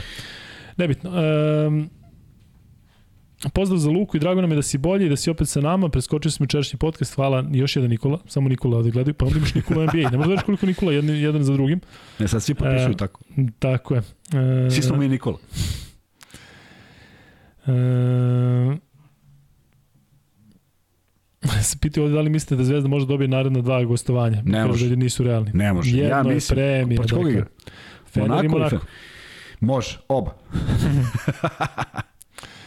E, šta se dešava sa Markovićem ove sezone kao i prošle loš? Deluje da ima e, onako e, sličnosti sa startom sezone. Sećaš se da su i prošle godine svi pljuvali, pljuvali kao vidi Marković, pa što nije onaj stari Marković šta se dešava, pa onda kad je došao kup, kad je došao finale ABE, sećaš se Markovića kako igra. Ja sam za Markovića rekao neki samo za to došao i dobro došao. Da. Prema tome od, odigrao je odlično. E, čovek ima bandažirane prste. Ja pokušavam da objasnim ljudima i to ova dva.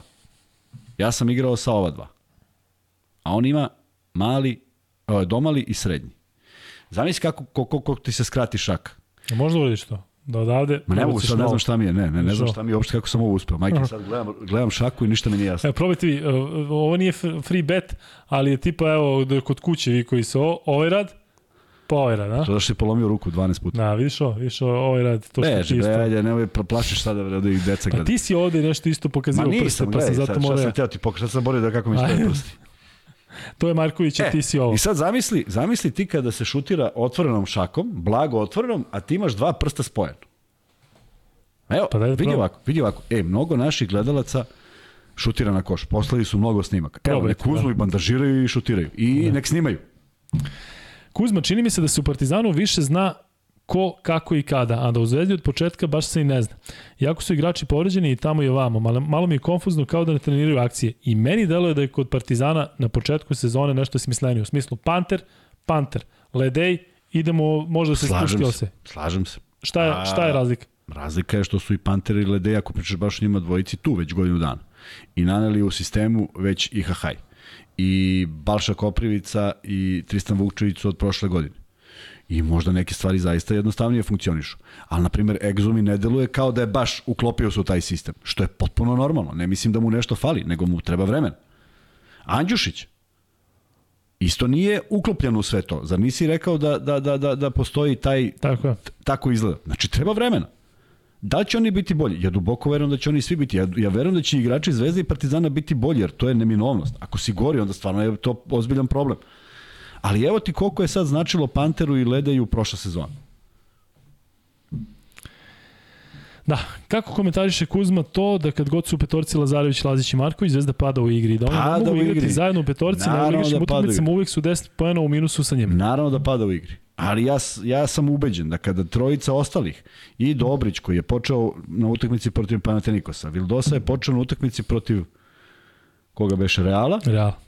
A, do, dobri, a uh, Nedović je počeo na utakmici protiv Bajerna. Svi su počeli na evroligaškim utakmicama. Ja sam ubeđen da ta trojica neće biti na parketu kada budu ovi mogli da igraju u svom ritmu. Prosto nemaju razloga da budu na parketu. I slažem se da je to manje ubojita petorka nego kad vidiš uh, Vildosa, Nedović, Dobrić, Bentil, Martin. Svakako deluje drugačije. Ali to su tri minuta, to su tri akcije, to su tri faula, to je ulazak u bonus, to je čvrsta odbrana, to ima neku ideju zašto su oni na parketu. Da, da. Partizan je u prednosti zato što da, da. ima trenera, pa ne, da, da, da, ne, vidi, da, verujem. Stani, polako. Vidi, ovo se nadovezuje na ovo. Partizan je u prednosti ima trenera koji je prošle sezone bio tu i imao osovinu tima iz prošle godine.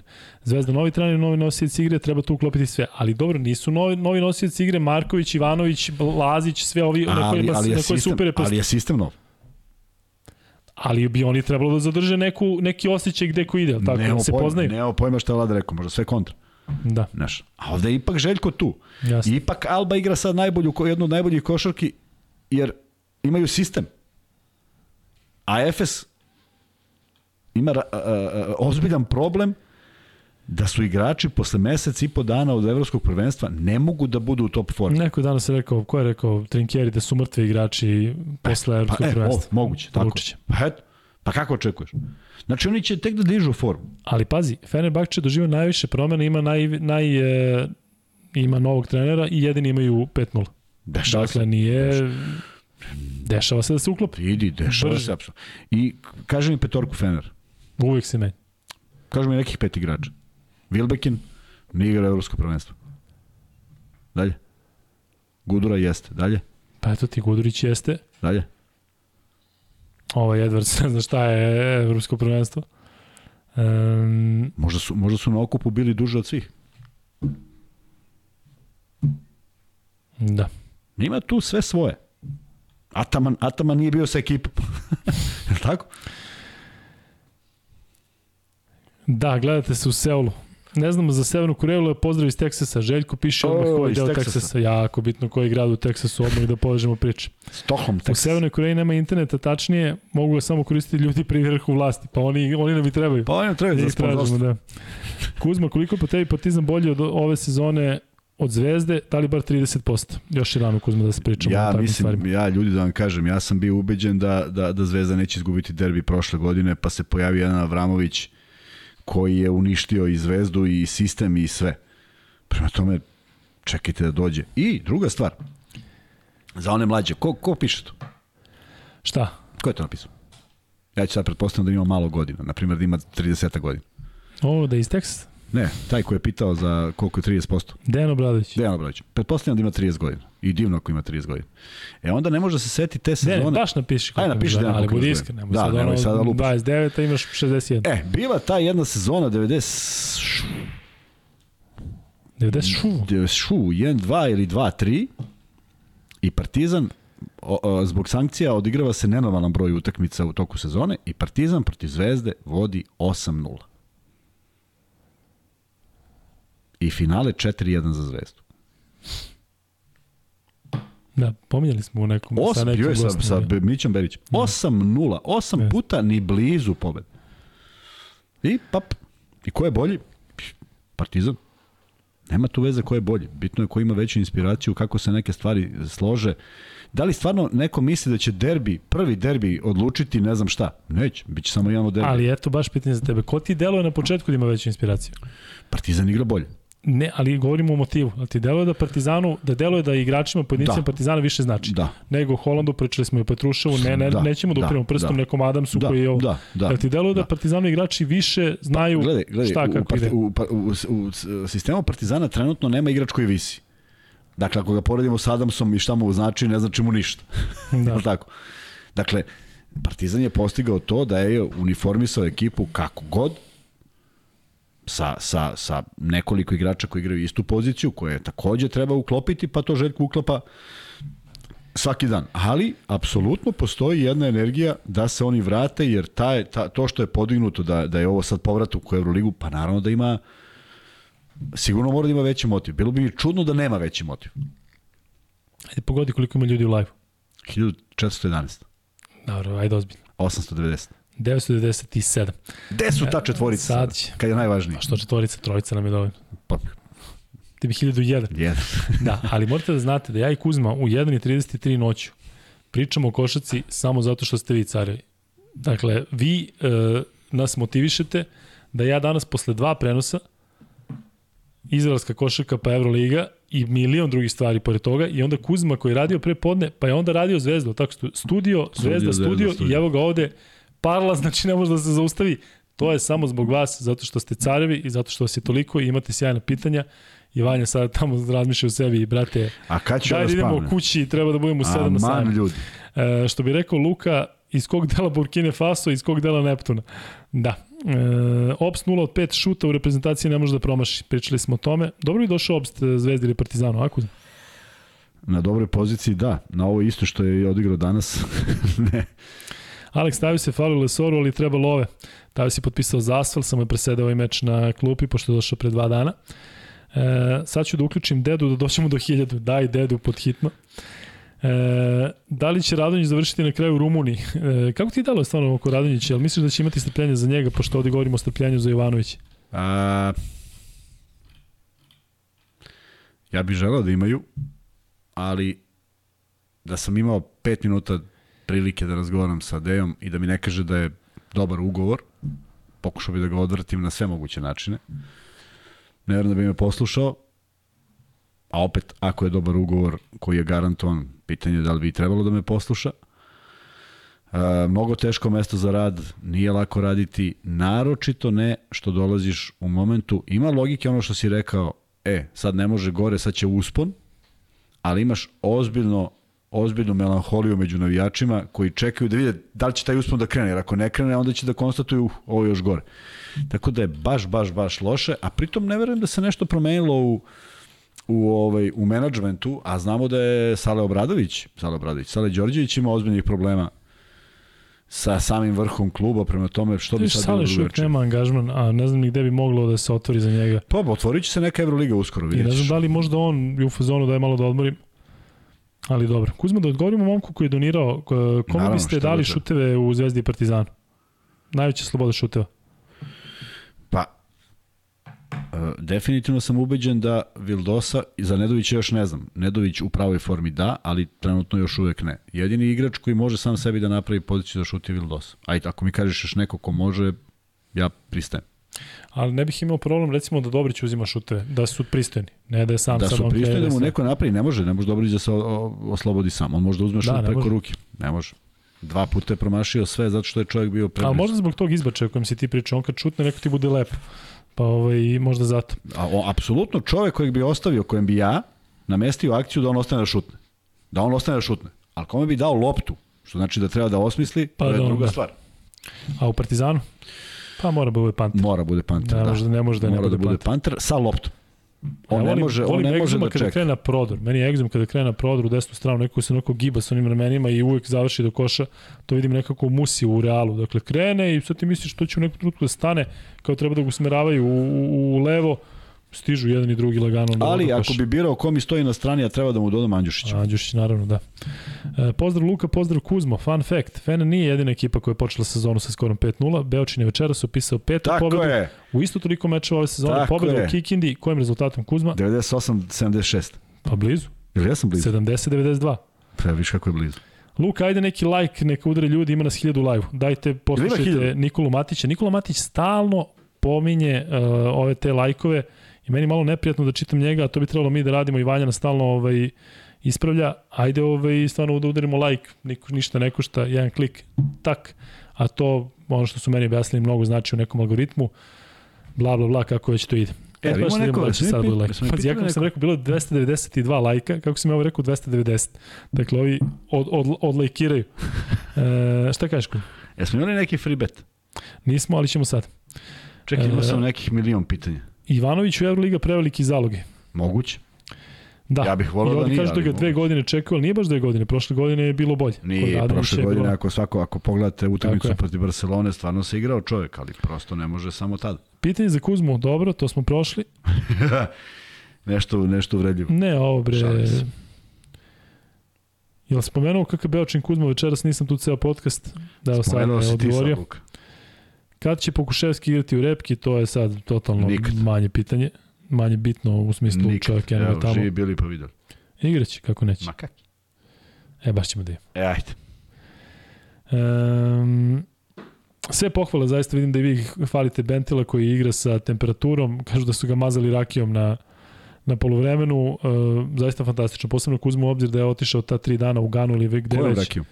Da, pitanje je To je vrlo bitno. Um, gde je Vanja, pitaju svi. Tu je Vanja, eno ga, samo što ne zaspi. Lego, Lego na kauč. E, imam pitanje free Ajde, bet. prvo free bet pitanje sprema Vlajko Kuzmanović. Ajde Vlajko. 1007 u live-u. Čekaju svi free bet. Čekaj.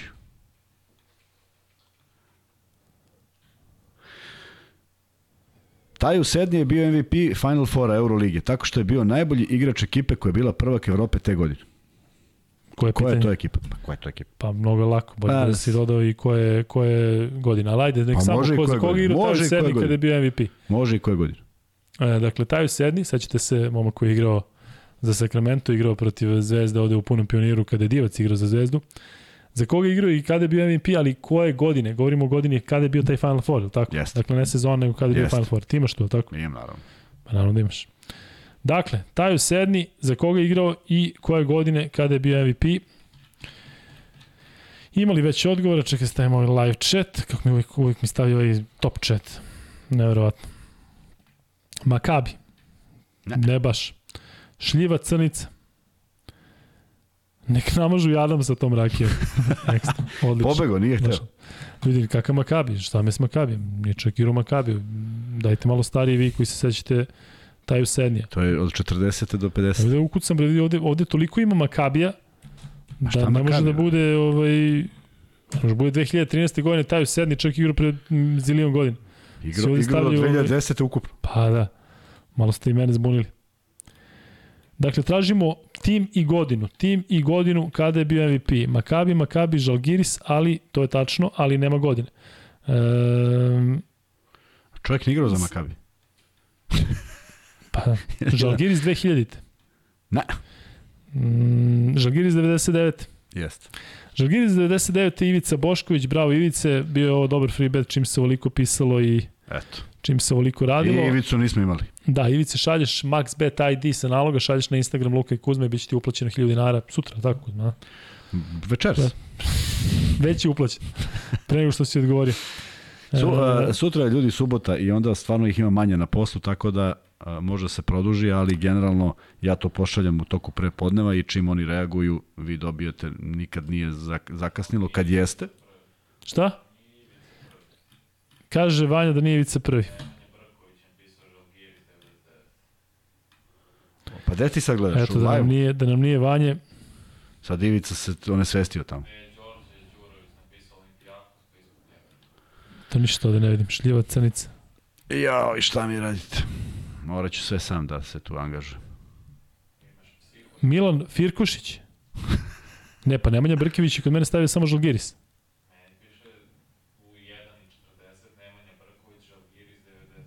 A iznad njega je Milo, Miloš Firkušić?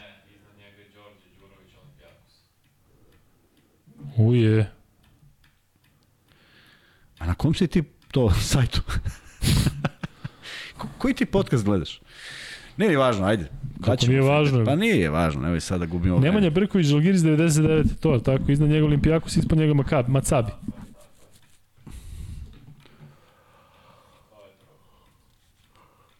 Da, izvini Ivice. Vidiš, vidiš Vanja. Ovaj, Dođem ti, dođem ti free bet. Nemanja Brković, Brko, šalješ MaxBet ID, stoji zaista je tako. Bravo Vanja, Jel Brković Hvala, tvoj komšija beš? Burazer, čuj komšija. E, Kuzma, Molim. Nemam problem sa Kuzmom. Ali, komentarisanje Kovačića je a, i tera nas, tera nas koji navijamo zvezdu da ne gledamo i gledamo sa ugašenim tonom. Profesionalizam nula. Sve je to individualno, ljudi. Imate milion onih koji meni stalno pričaju kako Ilija super, pa neki kažu da je ovaj drugi naš kolega super. Ima milion onih koji kažu da je Kuzma super, pa ima nekoliko onih koji kažu a, Kuzma ne znam šta, tako da nemoguće je da svi e, budu zadovoljni ali Ilija je neko koga sam ja slušao kada sam odrastao, Ilija je neko ko, ko radi taj posao od 30 godina i ili je neko ko Kuzma to najbolje zna se fantastično sprema za, za prenose.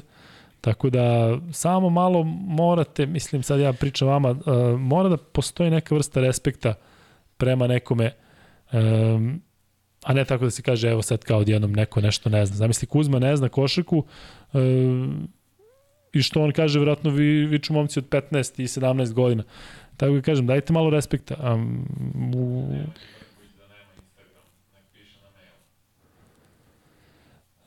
Da, Nemanja, piši na mail, pošalji maxbet ID na mail luka i kuzma.gmail.com.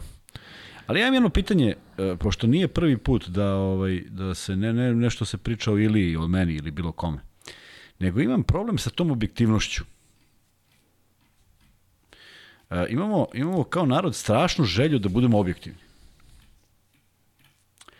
E, toliko želimo da budemo objektivni da nas smetaju novinari kada nisu objektivni. Naprimer, E, kad ja nisam objektivan prema Lorencu Brownu. Kao da ja moram da budem, naročito u podcastu koji se zove Luka u Kuzma, ja moram da budem objektivan. I mene stvarno zanima kako naše kolege u inostranstvu rade.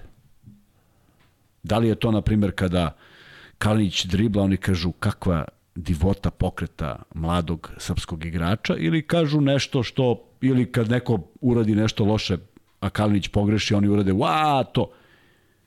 Zašto mi stalno pričamo o objektivnosti? A onda svi objektivno očekujemo da su Zvezda i Partizan za top 4, je li tako? Isti ti ljudi koji su koji traže tu objektivnost, pa nešto nije u redu. E, Ilija Kovač je danas doneo draž toj utakmici. Kad je Holand, zaku, kad je Holand zakucao, kad je Bentil zakucao, kad je Vildoza dao trojku. To, to je tako dobro delovalo. Isto kao što Vlahović kad radi Partizan uradi da to ima svoju dinamiku. Što moramo da budemo objektivni što to mora da bude sve. Ne, Kako izgleda? Kad je toliki uzorak, onda mora da bude oni koji će negativno da komentarišu. I oni su u velikoj manjini. Ali, ali šta znači biti? Kako, kako to izgleda? Kako izgleda? Ja bih volio da čujem kako izgleda prenost objektivnog novinara. Naročito, ej, naročito kad igraju srpski, i strani tim. A to bi tek onda bilo milion komentara, pa vidi ovog mrtvo povolo, pa treba da se pa, navija, pa znamo i koliko je prebacio na nekim. Odličan šut, volej Mijatovića 1-0, e, lopta ide ka sredini terena, a o, delirium kod nekih u stanu, evo, kaže, kako lepo se čovjek ne radi. Volej Mijatović, ja. Pa lupam, govorim ti samo primer neki koji, setio se Mijatovića, Prečke i ostalog, ali govorim da je kad je Kolarov dao onaj gol, to je ostalo zabeleženo, je tako? Kad je, kada Šarenac prenosi, to ostane zabeleženo. je li to objektivno? Šta treba bude objektivno? Pa on se čovjek veseli što televizija nacionalna sa koju on radi pobeđuje u nekom sportu. Ma da, nema, nema šta da se nešto pravdamo ili ne, samo kažemo da mora da bude ne. nekog respekta u smislu, dakle, I, i, objektivnost, to znamo da smo tako. svi selektori u svim sportovima svi, svi i svi ćemo znati sad kad bude e. futbal, ja ću prvi da verovatno mislim, pa čekaj bre, pa što nije pročeo sa... Šta opa, lomiš čoveč? Sa Vlahovićem i Nemoj sa... više ovome... e, ali da ti e. kažem jednu stvar koju je fantastično rekao upravo Ilija Kovačić. I, mislim, mene je edukovao. Kaže, Kuzma, vidi ovako, kad dobiješ tako neki komentar, imaš Vrlo jednostavan odgovor. Dakle, ovako. I ja se s tim potpuno slažem. Tebi kao gledalcu može A. da se dopadne i B. da se ne dopadne. Ali ne možemo da pričamo da li Ilija zna da radi. Da li Ilija zna svoj posao, da li Kuzma zna svoj posao, da li ti znaš, da li mi znamo svoj posao. Ja mislim da ljudi iz EPS-a ne znaju. Ne znam ni da li znaju ovi sa Šumarskog fakulteta, ali ne idem tamo da pričam kako ne znaju, jer ne znam ništa o tom. Dakle, aj malo da, možda ti se dopadne, možda ti se ne dopadne, mute, tut, nešto drugo uradiš, ne gledaš, ne slušaš i sve je to okej. Okay. Ja imam taj primer. Kad gledam nešto što me uopšte ne zanima šta priča, gledam i uživam. Ali se mi se nikad nije desilo da sam nekome napisao ili mu javio kako nema pojma. Um, da. E, mišljenje o tome da li Veldoza realno se igra sa košarkom i da li je to energija koja fali, Da li misliš da preteruje? Da, apsolutno. Ja ni jedan, ne mogu ti kažem da sam ja uživo u svemu onome što je radio. Mene Naročito... recimo, ne mogu da kažem da smeta, ja sam spreman na tu žrtvu ako će da donese ovo što donosi. Ali, ali doneće samo ako nije zabava. Ali zato što ne, je nemoguće da on i leprša i igra sve i da to ima neku onako da bude skockano, da bude ne, sve spakovano ne, ne, u smislu bez, bez nekog Slažem se, može, ali vidi, njegov levi ulaz da je ostavio sve, pa onda nije znao šta bi baš sa loptom, pa je vratio u desnu pa dobio rampu, može da se završi na drugačiji način sa sve promašajem. Ništa sporno. Ti si krenuo na ulaz, jednostavno napravio si lep potus, promašio si, ali ne da bude nonšalantnost. Jer to je vidio onaj tamo posljednji na tribinama da je to bilo zabave radi. A lepo je kad imaš neko ko se zabavlja, ali još ubaci u funkcionalnost u sve to i onda još lepše. Teško pitanje, možeš brzo da odgovoriš. Ajde neka Kuzma napravi petorku od zvezdinih i partizanovih igrača. Po pozicijama. Pa, verovatno. Vildosa. Da, podrazumeva. Vildosa, Panter, Panter. Andjušić, uh, uh, uh, uh, uh, Bentil Ledi. Igrao bi s niskom petorkom. Uh, Bentil, Bentil, uh, Lesor. Sad će da kažu ovaj stavio tri, a ova dva. Ja. Stavio sam prvi koji su mi palo na pamet, ali bi najviše volao da tu ima i Ivanovića i da ima drugih i da ima mnogo više igrača, ali ih nema. Prosto nema ih. Mogu sada lupetam srpske igrače, ali nema mnogo smisla. Crni grobar kaže Luka niste analizirali ostale mečeve od večeras, hoćemo jako brzo. E, samo da prođemo još malo nešto. Ja ustajem u pola sedam, ali moram da vas ispuštujem. Hvala Samlere. Ivica Bošković kaže, radim na benzinskoj pumpi i stvarno mi vas je Milina gledati. Kuzma, kralj najveći. Pitanje Na na koji. da dođe? Normalno. Da, Pa sipamo dođe, to, ono, da. Sipamo je. E, Kuzma, ajde da izanaliziramo brzo dakle ove mečeve koje smo pomenjali večeras. Na dolu F, Fenerbahče 79-88. To što kaže da si malo ispratio, jesi, je li ima nešto što, što razlikuje, odnosno Fenerbahče odveo od Efesa koji se muči na početku sezona, Fener ima 5-0. Moj dobar drug Neša Andrić i ja smo diskutovali šta da se radi danas na Bayern Zvezda i na ovaj na Zvezda Bayern i na Efes Fenerbahče. On bi stavio vrlo ne, ne navijački, on bi stavio jedan, dva Beograd, jedan Istanbul. Ja sam rekao da je lud, da je to 1-2. U suprotnom, malo smo se šalili, ali zaista sam verovao da Fener prosto ne može da izgubi tu utakmicu. Prvo, ne juri je, drugo, u boljoj su formi, treće, ne gube u domaćem prvenstvu, nisu nervozni koliko su nervozni igrači Efes što se videlo na utakmici protiv Burse i to ti je sve jedan preduslov da ne odigraš mirnu utakmicu. I negde u onom momentu kad su se odvojili, tako su i odigrali, tako da mi uopšte nije iznenađenje. A, a opet Efes nije kompletan da bi mogli da pričamo o toj snazi, mada ovo potvrđuje, ne potvrđuje još, možda se sve promeni, ali ne mislim da uživaju u ovome kao u onoj pričici, oni opušteno pa polako ulaze. Vidim da je ozbiljna nervoza i nešto mora da se promeni. Moraju nekako da naprave neki break, ne znam kakav im je raspored, ali e, svi misle da će dolazak Larkina da bude taj moment, a dolazak Larkina može da prouzrokuje još malo više štete s obzirom da treba podeliti ozbiljnu minutažu, nema više Sime, Sime, Sime, Krum, Sime, Sime Krumona. Srbije. Sime Strahota. Kruna Simona koji je uvek mogao da uđe i u 48. i u 13. i sa dva šuta i bez lopte i s jednom asistencijom, sad imaš... Baš se vidi da fali, baš, da, baš. Ba, ima, imaš... A kad smo već kod igrača Efesa, nekako mi je baš žao što se nije ostvarilo ono da je Singleton u Zvezdi, nekako bi to, mislim da bi on bio sada na ovim visokim pozicijama, odnosno na 3-4, neko ko baš onako daje šmek. Pa ti otišao? I iskustvo mi se nigde, nema ga nigde. Zašto? Um, njemu na Wikipedia stranici piše da je potpisao za Crvenu zvezdu i piše član Crvene zvezde od 2022. Crvene. Možda je to neko novo iznenađenje. Nije, nije, pratim ja to stalno, to stoji već mesec dana, ali nema ga nigde. Asfel Baskonija, taj meč sam ja prenosio i mnogo se iznervirao zato što sve što je Baskonija dala protiv Zvezdi Partizana Ovde sada, dakle, pa da, ivica pa da, tabla, pa da, dakle, pa da. Howard do duše jeste on rovit, pet poena, Šta su rekli da je povređen do kraja sezone? Čemu pa se radi? jeste, pričali su, pa to vidiš, vjerojatno neka placenta. Ja, radila, ja, meni je bilo teško, a sad, sad mi više nije teško. Da. Jeste, pričalo se, znaš, kao gotovo, ne znam šta, ali... Dakle, Baskon je sramno izgledalo večeras. Drago mi je što je Zasval igrao e, Zahari Risašer, to je sin, ko, čiji? Pa Risa Šerov. Jesi igrao protiv njega? Ne. Kako nisi igrao protiv Risašera? Jesam, onaj baš je on igrao, baš je on igrao za Asfalt. Za asfalt, sa ovim tvojim, kako zove, I u Sarajevu su igrali, jeste, da. E, o, ovo baš je ostario, znaš. Jest, Vidio sam ga na tribinama, Jeste, dakle, kratka kosa, kao ja. onako, to. E, Zahari sa 6-17 godina, dakle, momak ima liči na onako manji Vembanjama. Zaleće se na zakucavanja, dakle, lepo je bilo gledati Asvel, ali oni su ekipa koja igra ono, jedan dan dobije 30, drugi dan izgubi 50. Tako da to je to što se tiče te utakmice, posljednja Barcelona Armani 74-56, jedna ružna utakmica što bi rekao Kuzma, onako na mali broj poena, Jest. šta reći o Armani i Virtusu koji stvarno e, dobiju ove pa izgube, dakle ti italijani nekako su najnesigurniji, ne znam vi koji se eventualno kladite, ako igrate na italijane, verovatno gubite.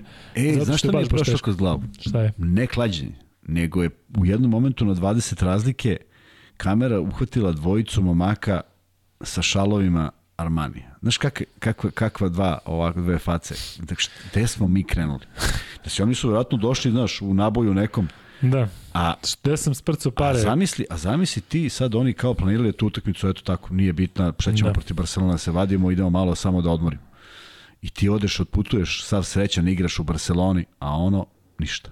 Veliko ništa. 8-1 je Hall šutirao u jednom trenutku, je promašio posljednji zicer, to je fantastično. Ja ne znam kako su zadržali njega od prošle sezone. Dakle, on mi je bio neko zreo za čistku, dosta, znaš. dolazi Beron, dolazi, imaš već toliko opcija za šut. Ali dobro. E, Euroleague Fantasy, ja sam 31. Mike James me kapitan me vuče kroz početak prvenstva, svaka čast Nik Ola. Gde je bre to E, izašlo sada? E, dajde da objavimo inta, ovaj, Vanjček, ili možemo Vanjček, stavimo ove, turi ono. one fantazije. Doček Trinkjerija večeras jasno zašto je bio kakav je bio. Kako zamišljate doček od strane Grobara? Pozdrav za vas, neispavane mučenike. E, stvarno kako misliš da će dočekati Trinkjerija navijači Partizana? Uh, Pola pola ili? ne, ne, bit će, mislim da, pa znaš šta, zbog onoga, zbog onoga odlaska, da, teško. da, da, vidjet ćemo. Ako izgubi, bit će sve u redu. Da. Dakle, evo, evo na ekranu imamo top 10 timova u ligi. RSB tim u Turkish Airlines Euroligi vodi sa 849 fantastičnih poena. I mi imamo negde oko te brojeve, samo na 498 smo trenutno. Ti ovaj tim što si ti pravio je 473. u ligi od Ti si ja sam 476. potpuno zaborio da promenim za ovo kolo, ostali svi oni od prošlog. Ja me zas- Trojica povređeni, dvojica prestali da igraju. A toliko slobodnog vremena imaš i ne možeš što da odiš. Uh, Ryan Key 814, Peaky Blinders 813 i vidite ko je sve ostao. U sećanju su mi svi ovi, sva ova imena, ali IC, šta je skraćenica IC? Šta misliš? IC, Koji, koji broj? A, industrijski centar i neki, neki centar, institut centar, nešto, ŽOC. Vidiš prvi, 197. Oni su prvi u petom kolu. Da, da. Onda neki koji ne vole Makabi, 194, Pevci 192, Tole Tole 185, Bubanj Bubanj, šta je ovo, nije radila tastatura, 184, Michael Jordan 183, Polu distanceri 183, nerešeno, Duka Bazuka, Zvezda Le, Bataja City, a 152. u ovom kolu, koji uopšte nije bilo loše, toliko vidiš 143 boda. Znači bolje dosta im. Možda će se vratiti ovi veterani. Meni što ovdje nije jasno. ali- Ma nemoj bre ni da, da se maltretiraš. E, inače, Luka, on je tvoj DJ što treba da dođe u Partizan posljednje dve tekme, 20 asistencija, provjerio sam. Ja sam gledao da li je, ovaj, ili šta, ali sećate se, vi koji ste bili prošle godine, Leksa, ti se sećaš kad ste me pitali ko, ja sam rekao dođe DJ Cooper. I naravno da neće doći, kažem, to su sve neke igre. Danas sam razmišljao o Bredu, Vona Makeru, kako bi bilo dobro da se ponovo sastane sa Obradovićem. I da se on trenutno podmladimo. nema. Pa da se malo- 33, 32-3 ima. A, Um, igrao je prošle godine u Indijani, igrao je za još jedan tim, da li za Phoenix. Bio je negde, igrao je za dva NBA tima i trenutno je bez kluba. Ne znam da li je zdrav ili nije zdrav, ali lepo zvuči. Um, dobro bi bilo za Zvezdu da Radonjić ode iz Panate, to bi bila šansa za Zvezdu da ga vrati, pošto očigledno da Jovanović nije trener za Zvezdu u ovom trenutku. Meni nije očigledno. Kad meni bude bilo očigledno, onda ćemo A sveći pričamo se. Radonjić prošle godine šta su se pričali kada je izgubio od ovog. Pa, da. pa ovaj nema pojma. Pa da. Hoćemo drugi free bet. Kuzma nađi tu proberi od ovih Čekaj da pitanja, ima, ima dosta. A pazi, a usput odgovori na pitanje, da li ona petorka sa Vildosom, jel pratiš? Vildosom, Bentilom, Dobrićem, Mitrom i Nedovićem potencijalno udara u finišu sezone. Dakle, jedna Vildosa, dva Nedović, odnosno Dobrić i Nedović 2-3, Mita 4, Bentil 5. Da. Ili da, 4-5, Da, evo. da, da, to je, to je nešto što možda bude naj, naj, naj funkcionalnije. Kuzma svaka ti je kao Njegoševa zvezda uzima sve i ove godine. ako sam to rekao, ako si to razumeo, fenomenalno. Šta si učuto? Zato što čitam pesmu. Više volim analize Kuzmanović Vlade nego noge Manojlović radi. Opa! Znaš ko je Rada Manojlović? Pa, čuo sam. Neka pevačica. Ti si video, to je bitnije, ne. da li si čuo.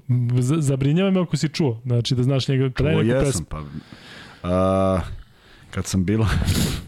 Ja, moj, mislim da znam jedno, ima ona Nemoj molim te, ne Marakana. Neću uopšte da slušam. Marakana, Ovaj deo sad uopšte ne slušam.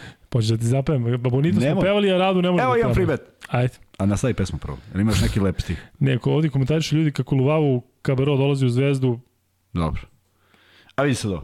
to je ko što Bentley ima koronu. Evo, Ajde. evo jedno aktuelno pitanje. Ajde. Za koji klub ove sezone nastupa najmlađi igrač u istoriji Euroligi? Drugo free bet pitanje je, još jednom, Najmlađi igrač Euroligi. za koji klub nastupa? Hm? A koji je odgovor? Za koji klub ili kako se zove? Kako je za Euroligije? Čekaj, sad mi nije jasno. Čekajte. Ne, ne. Da Vlajko ne, ne, reši klub, ne, zašto klub nije iz Euroligi? Preskačemo. Da Nećemo. vidim, da vidim. Evo ti.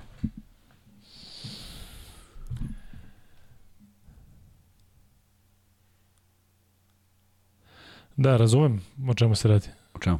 Za koji klub ove sezone nastupa najmlađi igrač u istoriji Evrolige? On jeste bio najmlađi igrač u istoriji Evrolige, E, pa je. kada je sa 16 A, igrao... da, za koji klub nastupa? Aha, Tako e, je. to, tako je. Da, dakle, ajde ipak da bude ovo pitanje. Za koji klub ove sezone Nastupa, trenutno inače nastupa najmlađi igrač. inače najmlađi igrač u istoriji Evrolige? Dakle, stavite klub i prezime. I ko odgovori dobija free bet ovde već izlazi FSV. Dakle, morate klub i, I prezime. prezima, već smo vam pomogli. Dakle, on je zvanično najmlađi igrač koji je ikada igrao u istoriji. Evrolige, ali trenutno ni u Euroligi, dakle o kome se radi, eto, pomogli smo. Pomogli smo i više nego što je opet, bilo. Vanja će opet da vadi.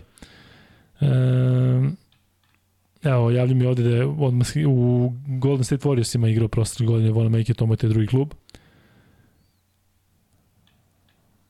Evo ovde komentar za Srke i kompaniju Sport klub komentator jedino su top što se tiče MotoGP-a. Svi ostali mi smo Indijanci, slažem Da, se. da.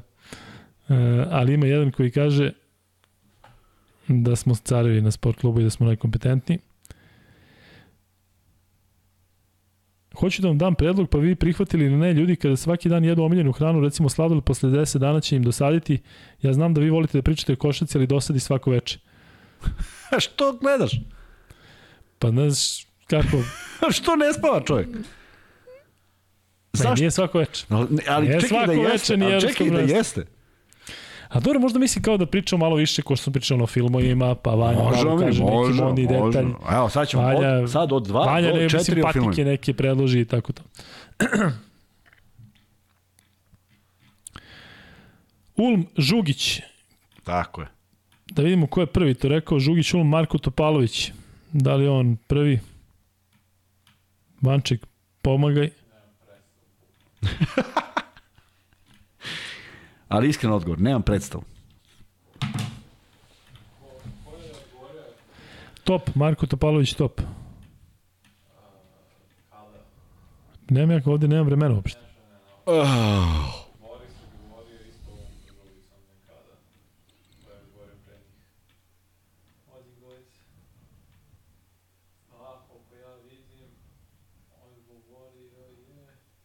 Dimitrij Dojčinović je da meni isto, ne mogu da problem ko je.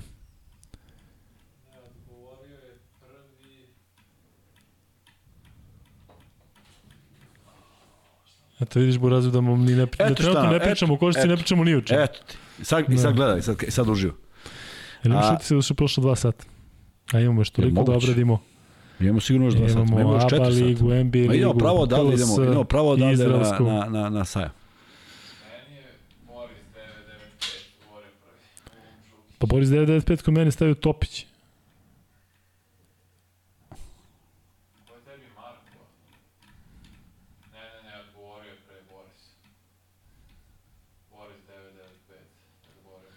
Boris 995 šalješ uh, Max Bet ID na Instagram Luke Kuzma. Ali sad kad krenu ovo, ja sam prvi odgovorio, sad će Ja sam vrhunac. E, a vidio, Ajde, gde smo stali? Pa sa Zvezdom bi trebalo da završimo posle Pa treba Jaba- jaba ligu da... Tako je. Zašto se podcast ne zove ceo dan sa Vladom Kuzmanović? Pa zašto se tako zove ona emisija sa Šarenca? E, je se tako zvala? Jedan dan sa. E, Zvezda igra protiv UK. 31. To znači u ponedljak Zvezda gostuje UK, a posle toga narednog petka gostuje Monaku.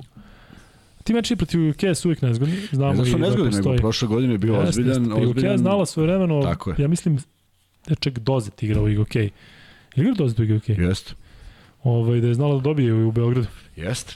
Da E je sad, čak tu- i, sveća se da je jednom Đoković bio, proti četiri godine, i da je bilo opa i okeja. Tu je, to je highlight sezone. Momcima iz UK koji očigledno dobro igraju.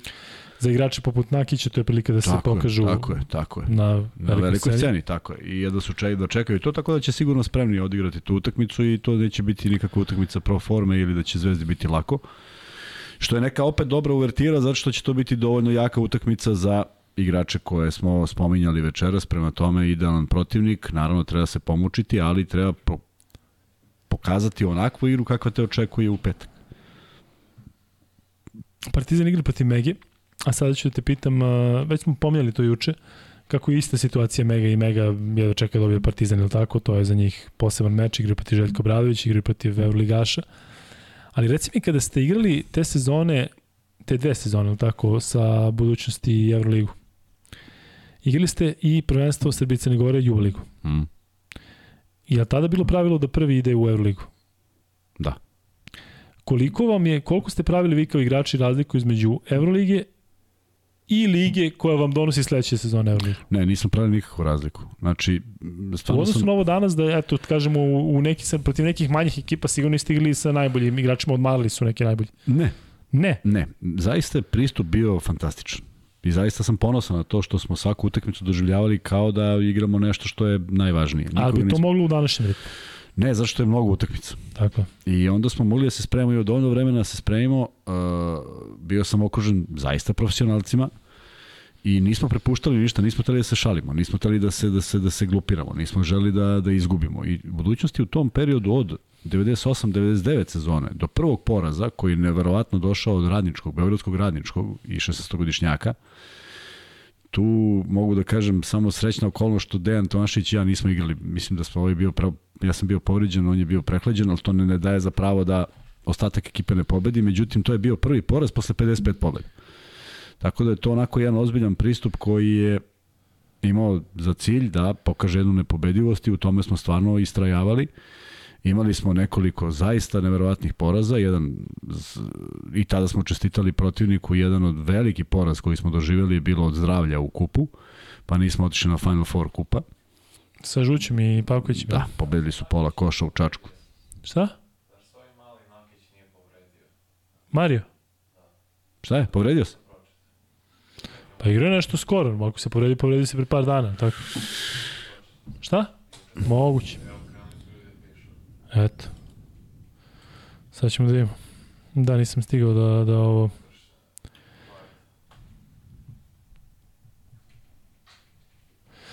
Um, ništa, što se tiče ABA ligi, dakle, Partizan je favorit protiv Mege, Zvezda protiv Ukea, neće ni jednoj ni drugoj ekipi biti lako, Da, posebno da. ako znamo da e, da Zvezda narodni meč igra protiv Monaka, koji će biti e, poseban, ili tako Kuzma, zato što ipak protiv Obradovića, protiv ekipe koja je toliko uznapredovala i koja je među trenutno ekipama koje su bolje u formi u Euroligi. Pritom seća se prošle godine koliko je bio mučan onaj meč protiv Monaka, ona završnica. Seća se možda Zvezda Monako u Kneževini prošle godine.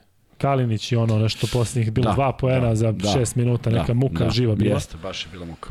A onda opet Monako ovde u Beogradu još veća muka, plus 20, pa na kraju Pa na minus, kraju minus jedva. 20 Maidi. Ja, tako Zvezda izgubila Monako ovde posle onog preokreta kada su se posle korone vratili. Ne, mislim da su pobedili, ali da su minus Ne, ne, 20 ne, prokockali. Sigurno. Ma bre Obradović pobedio u Beogradu s Monakom. Pa onda nije bilo to kada je Hollins promašio. Tako je. Viš kako si to dobro povezao. Da, to onda nije to. E, Ali, ali ovaj, da, uh, pa Zvezda igrala dobro protiv Monaka negde na početku sezone, međutim pad od 5-6 minuta, prvi, prvi u toj sezoni, iako ih nije bilo mnogo, je jednostavno pomogao Monaku da pobedi prilično lagano u, u ne mnogo lepoj utakmici. zato sam te pitao koliko u stvari zvezdani igrači sada razmišljaju stvarno i Gokeja koliko Monaku. I koliko partizanovi igrači razmišljaju o Megi, a koliko zaista razmišljaju o Panatenikosu narodnom meču, dakle tamo Radonjić, Željko se vraća u Panatenikos, on sigurno da, da zna svoj svoje u glavi da, da kako Pa- se ide korak po korak, ali garantujem ti da Papa Petru sigurno ne misli, u brate, daj sada samo da protiv Megi da pokidam, pa posle ćemo da vidimo lako za Panatenikos. Pa mislim da bi trebalo da misli, pa, pa da baš da pokida, znaš, on bi stvarno trebalo da Tako pokida, je. da bude, da bude malo, ovaj, da malo skine pritisak sa sebe, jer malo su oči uprte u njega. U si, možda i ne doživljavaju tako. A, mi Mi veruješ da nikada nismo razmišljali da nama cilj da budemo prvi u državi da bi, da bi ponovo išli u Euroligu? Uopšte nije bilo kao neka opcija koja je vrlo bitna. A možda zbog toga što se tada Euroliga podelila na dva dela, sećaš se? Sećam se. Tako da su i tako da i budućnost bila i Partizan je bio u, u, u, u Fibinoj Euroligi. U svakom slučaju nismo razmišljali o tome i drago mi je što nismo. E, želim da verujem da ovi igrači sada, naročito igrači na koje je Željko Obradović ukazao na konferenciji za štampu, treba da urade tako dobru utakmicu da od njih sve zavisi i da budu glavni pokretači svega što se dešava, e to je onda prava stvar. I to je onda prava utakmica. I to je pravi pristup. I onda ti ako svojim zalaganjem stvarno omogućiš da ovaj tamo što je igrao 38 minuta ne mora da ulazi, nema lepše od toga. Zaista nema. Da. Um, znaš koji je bio najbolji odgovor za ovo pitanje? Koje? Kuzma Beočin, koji je bio najmlađi igrač u Euroligi. Koja... E sad, zanimljivo pitanje, ne znam da će Vanja hteti da odgovore, vjerojatno neće, zato što jedno čeka da završimo. Luka Kuzma Vanja, možete da nam opišete jedan dan vaš kada imate podcast ovako kasno i sutra ujutru kako živite? Evo ja ću ti reći kako je tope ovo izgledalo meni danas, odnosno juče podcast. Podcast smo završili oko 2-3, zaspiš oko 4, budiš se u 5, pošto u pola 6 dolazi po tebe šofer za novu, dakle spavaš sat vremena, možeš misliti kako spavaš sat vremena. Pa onda na novoj imaš jutarnji program što imam utorkom, četvrtkom i petkom. Nova S, dakle jutarnji program, vrlo je zanimljiv i rade momci i devojke, odnosno devojka Nevena radi jako profesionalno i jako dobro. Odlične su teme i odlična ekipa. Tako da eto, gledajte, onda dođeš kući i potpavaš sat vremena, pa ti se probudi deca, probudi se ćera, pa onda sa njom provedeš sat vremena, pa onda ideš radiš izraelsku košarku, pa onda idem na kontrolu ovoga zbog čega sam je i pao imunitet, inače treba da radim i slovački futbol, Pa sa slovačkog futbola, odnosno sa kontrole, ideš na Asfel Baskonija i onda odeš kući i odspavaš 15 minuta, bukvalno odspavaš 15 minuta i onda dođeš radiš ovaj podcast. I sad kad odeš podcast, završiš oko pola 3-3, budeš kući u 4 i ustaješ ujutru i radiš australijsku košarku. Brisbane Bulici igraju proti Cairnsa, da vidim da li je da je Cairns, uh, vidjet ću koji je meč. Ja ću da gledam. Šta? U, dobro će biti. Ne, uopšte ne šlim se. Moj dan je drugačiji. Ja ustanem, pokupim luku. Spavam samo 45 minuta, odvezem ga gde treba, vratim ga.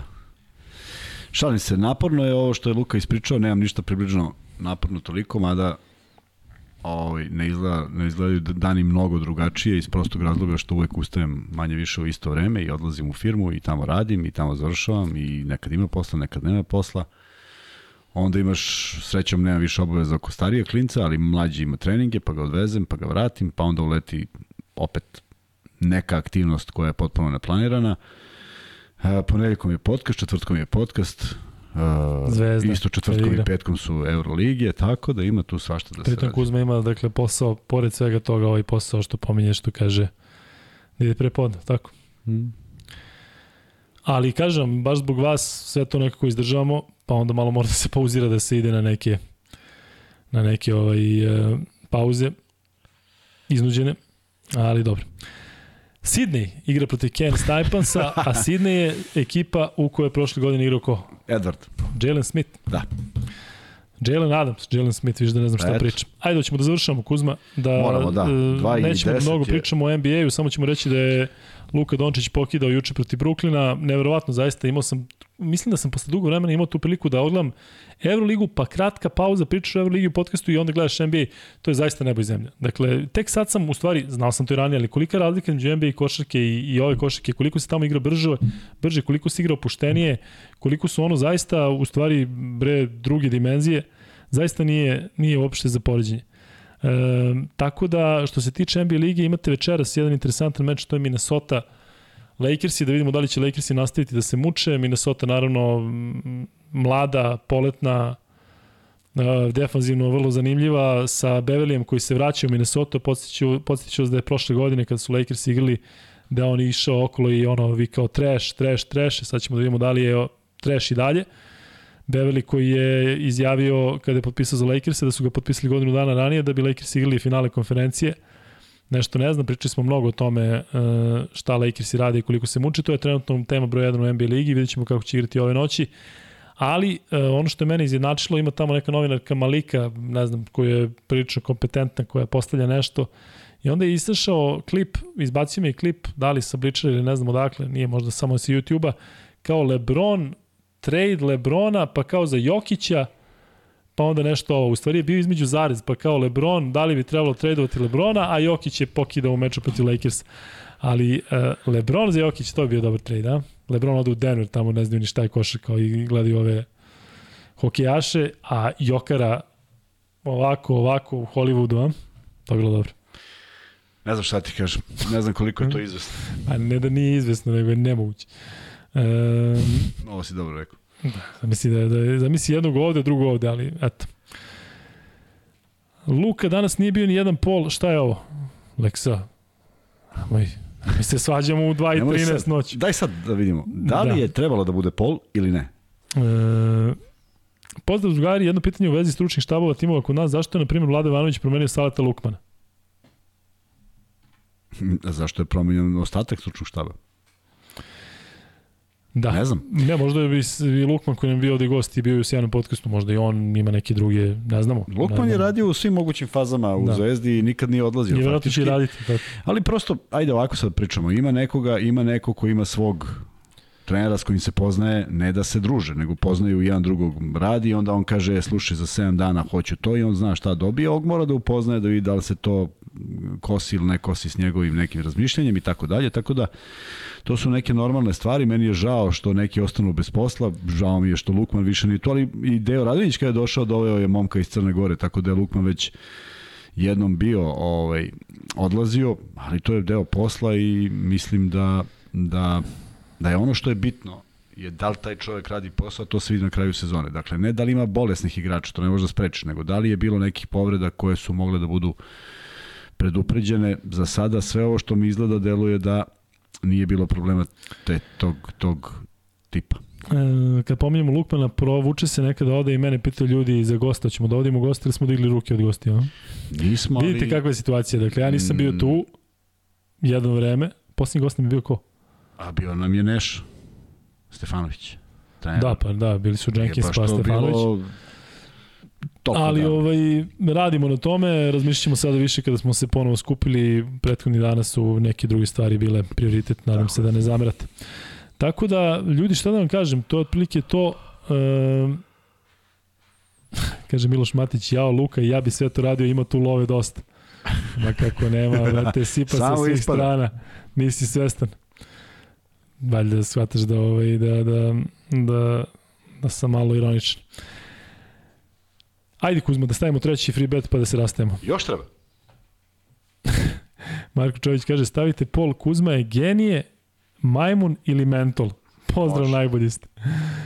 Kako se preziva Luka? Preziva se Spasovski. Evo, odgovaraju odmah ovde Milošu Miloviću. E,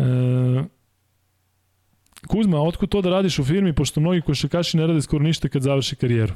Pa ja ličim da, na košakaša. Da, ali pritom mislim da to više nemogućnost njih da rade nešto nego što ih neko neće ili, je li tako? Duga priča. Da. Ali... Pa ajde, kreni.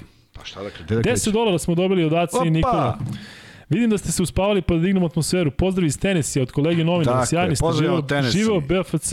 Skrećem pažnju da se kaže u vezi sa nečim, a ne u vezi nečega. Na primjer, u vezi sa Panterom. Ne znam ko je to nas dvojice rekao, ali ko zna koliko smo puta bili gramatički nekorektni kada tako, ovaj, evo, pitao odmah Nikola iz kog dela Tennessee, a stvarno iz kog dela Tennessee, ne, nije šala.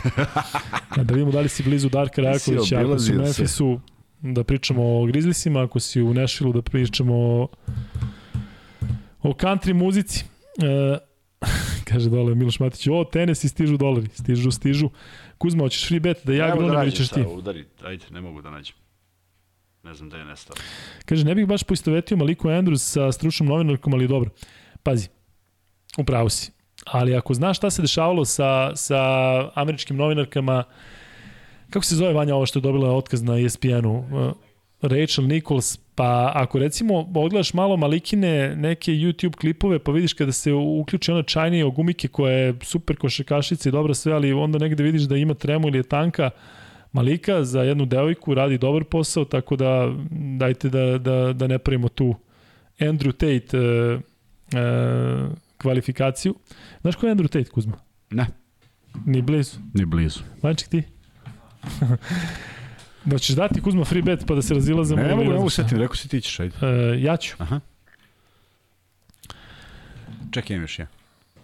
Pazi ovaj, kako se zove, možete ili u prevodu ili uh, u originalu. Hala u kojoj sam ja igrao u Alviku, u Švedskoj, pa smo se svi smejali ovde. Dakle, O, jesi ti sećaš? ne. Kako se ne sjećaš? Kad smo pričali, čovjek Stefanović ovde je rekao da trenira u toj hali, Odlično. Alvik i dalje. Dakle, e, možete i u originalu, možete i u e, Ne prevodu. originalu. Dakle, to je treće free bet pitanje iz jednog jedinog razloga zato što mi ništa drugo ne pada na pamet u ovom trenutku. Hoćeš da kažeš ljudima da imaš one antologijske fotografije, da se ih pronaš? Nećeš. Čuvamo to za, za nešto, jel? Čekaj da vidim da li. Kuzma je danas poz- poslao neke fotografije koje koje su ovaj dokaz nekih dešavanja iz prošlosti. Da nema ni jedan odgovor na ovo. zbog Vanja, možda turiš Crkva ove... koja gori, kaže Nikola. Nikola, drago mi je zato što si ti dobio, zato što si car, jeste. A, na to sam mislio. Pa da, Bren Širka, evo svi ovde odgovaraju, vatrena crnka, vatrena crkva, vatrena crnka, slušaj mene, vatrena crnka. E, Luka, znaš ko je Gaga Bjelica, jer si igrao protiv njega? Jesam, igrali smo na Olimpu zajedno i Gaga je super momak, jako dobar basketaš. Legenda Olimpa i legenda basketa, e, igrali smo igrali smo zajedno, igrali smo 5 na 5 često. E, u Navračaru igrali smo, čak on imao neki termin u višoj poslovnoj, pa smo tamo pričali, Gaga je ovaj super, e, vidim da se nešto, da je tu i dalje što se tiče 3x3 basketa i želimo sve najbolje. E, Kaži. Vanja, turi ovu sliku ako možeš, ovaj podbacivanje iz železnika. Si dobio? Za kraj, za laku noć. Opa! Ajde Kuzma, objašnjavaj. Ne, ajde da vidimo e, da li mogu da prepoznaju. Nek napišu ko je sve na slici. A ti vidiš? Dakle, ovako. Ovaj ovde što stoji iz evo u plafon, to sam ja. Ovaj desni. Skroz desno. Jeste. Ovi mršavi. Pa, Najmršavi. Da. Pa, najmršavi si u Betlju. Veliko dupe ispred mene je benč. Crne patike desno od mene je gurke. Milenko skače za loptu i evo ga Bolić sa brojem 10. Dakle, Kakva imamo petorka, jednu poprilično respektabilnu petorku. A dobro, nije baš po pozicijama, a? Pa jeste, Gurke bi igrao četiri u modernoj Pa, košarci. gurke, da. Tako je, benča 1, 2, 3, Pa to šta je je, to. Bo, Bolić je dva, Da. a ti si kec. Pa ja bi tri bio, benča je bio jedan. A je bio jedan, Da, da, da, a ti benča tri. jedan. Pa, Pa, mi, mi, mi smo u to naše vreme smo igrali tako. Da. Za loptu skače Spasovski. Lukas Pasovski, a treba da pošliš jednu drugu sliku zato što tamo Poslao ima jedan detalj, drugu. jedan detalj nevjerojatan. Poslao sam i drugu. Dakle, ja i Milenko Topić skačemo za loptu i ovo su ostalo, nemam pojma, A, ovo je leđima, Vučin. leđima je Vujčin, da. Da. Ovo ostalo ne znam. Tako je. I tu smo ja i Kuzma. Koliko si dao trojke tada? Tri za redom sam dao. Ja sam dao dve za redom i bilo nekih neviđenih poteza poput Kebe, ali sada vidite, ovo je pred početak utakmice. Pogledajte kako smo ja i Topić isto građani. Vidiš Kuzma? A? Potpuno isto. Pogledaj. Ja, ja čak mislim da, da ja sam A? pomislio u prvom Pa trenutku ja da... i rekao ja sam, ja sam ovo ja ili ovo Topić. A šta, šta je kao nismo? Koliko visoko? 2 E, a 0 znaš ko sudi? Raško. Da, Raško Katić. 2-0-3 je visok top. Koliko? Tako je. Jel tako? Da. Pa da malo više od mene. Jeste. Ali uh, pitanje za vas, ko prolazi u pozadini? Ni pitanje za tebe, Kuzma. Dakle, Ko je? ko je, uh, Bolić, ga, Bolić bi ga udario glavom. Prolazi tamo iza, ide na klupu. E? Vidiš Zlatka Bolića. Vidim. E, vidiš u pozadini, u drugom planu, kod njegove glave, kod njegovog čela. Ko Dobro. je to? Ona je u sivom? Da. Ne znam. Pa ne pitam te bez veze. A, čekaj da vidim. Ma bre, ko je, ko može jedino da bude? Ko može jedino da bude? pa o kome smo pričali tvoj saigrač na tom meču? O čoveka ide. A Keba! Pa Keba, je, Dragan Kojić, Keba Dragan ide. Ke, Kojić Keba. Tako je. Ubica mladih luka. zakucavač. Ovaj, tako da je to ta fotografija sa kojom ćemo završiti zato što će Vanja da nas digne uskoro sve u vazduh. To je jedini razlog, inače mi s vama Evo, ostali tad se još nismo znali sata. i nismo uopšte povezali da smo bili na istom događaju, sem što smo konstatovali da smo bili na istom događaju. Ali, ko, je, ko zna da smo bili zajedno na tom događaju? Ko zna? Ko je meni rekao, pa ti si igrao na toj utakmici? Ko ti je rekao? Ajde, bre, ne, sam neću Kasno da je, radim, ajde. neću radim. Nemoj sad takvi ispitanja. U Dogmi 99. Kad sam se ja zaprepastio, kao, pa ti si igrao bre utakmicu pre 8 godina. Ko je to rekao? Lidija? Pa, je. Pa naravno da znaje. ko je u dogmi rekao za ovu Pa da, u Pa dogmi je nas je bilo, Srki, tro- u dogmi nas je e, bilo troje. Jest. Da. E pa jest. E pa eto tako je nastao podcast e, e, devet Tako godina nastao. kasnije. da, da. Znaš da je to 6. januar 2013? 6. januar 2013. A? Pa to, ali ima neku težinu. Nema. Pa mislim da će Nisam, Božić nisam da bude da je sutra. 6. januar Ne, 2013. e, kad sam skinuo sliku, shvatio sam da je, da je ubačena. Možda je, možda je sam ubačena. Moguće da je... Da je Ali pogledat ću to još, imam ih još nekoliko. Meni delo da je nešto pre nove godine. Ne vjerujem da je sad. E, pre nove godine. Da, da, pa e, da, da se nismo 6. januara našli odmah posle nove godine, Jok nismo. ma kaki. Pa Keba je dolazio. Lako noć svima. Šta da vam kažem, laku noć. Vidimo se u ponedjeljak, Kuzma, tako? Trebalo bi u standardnom terminu. Klima, klima, Kuzma, klima. Vidimo se.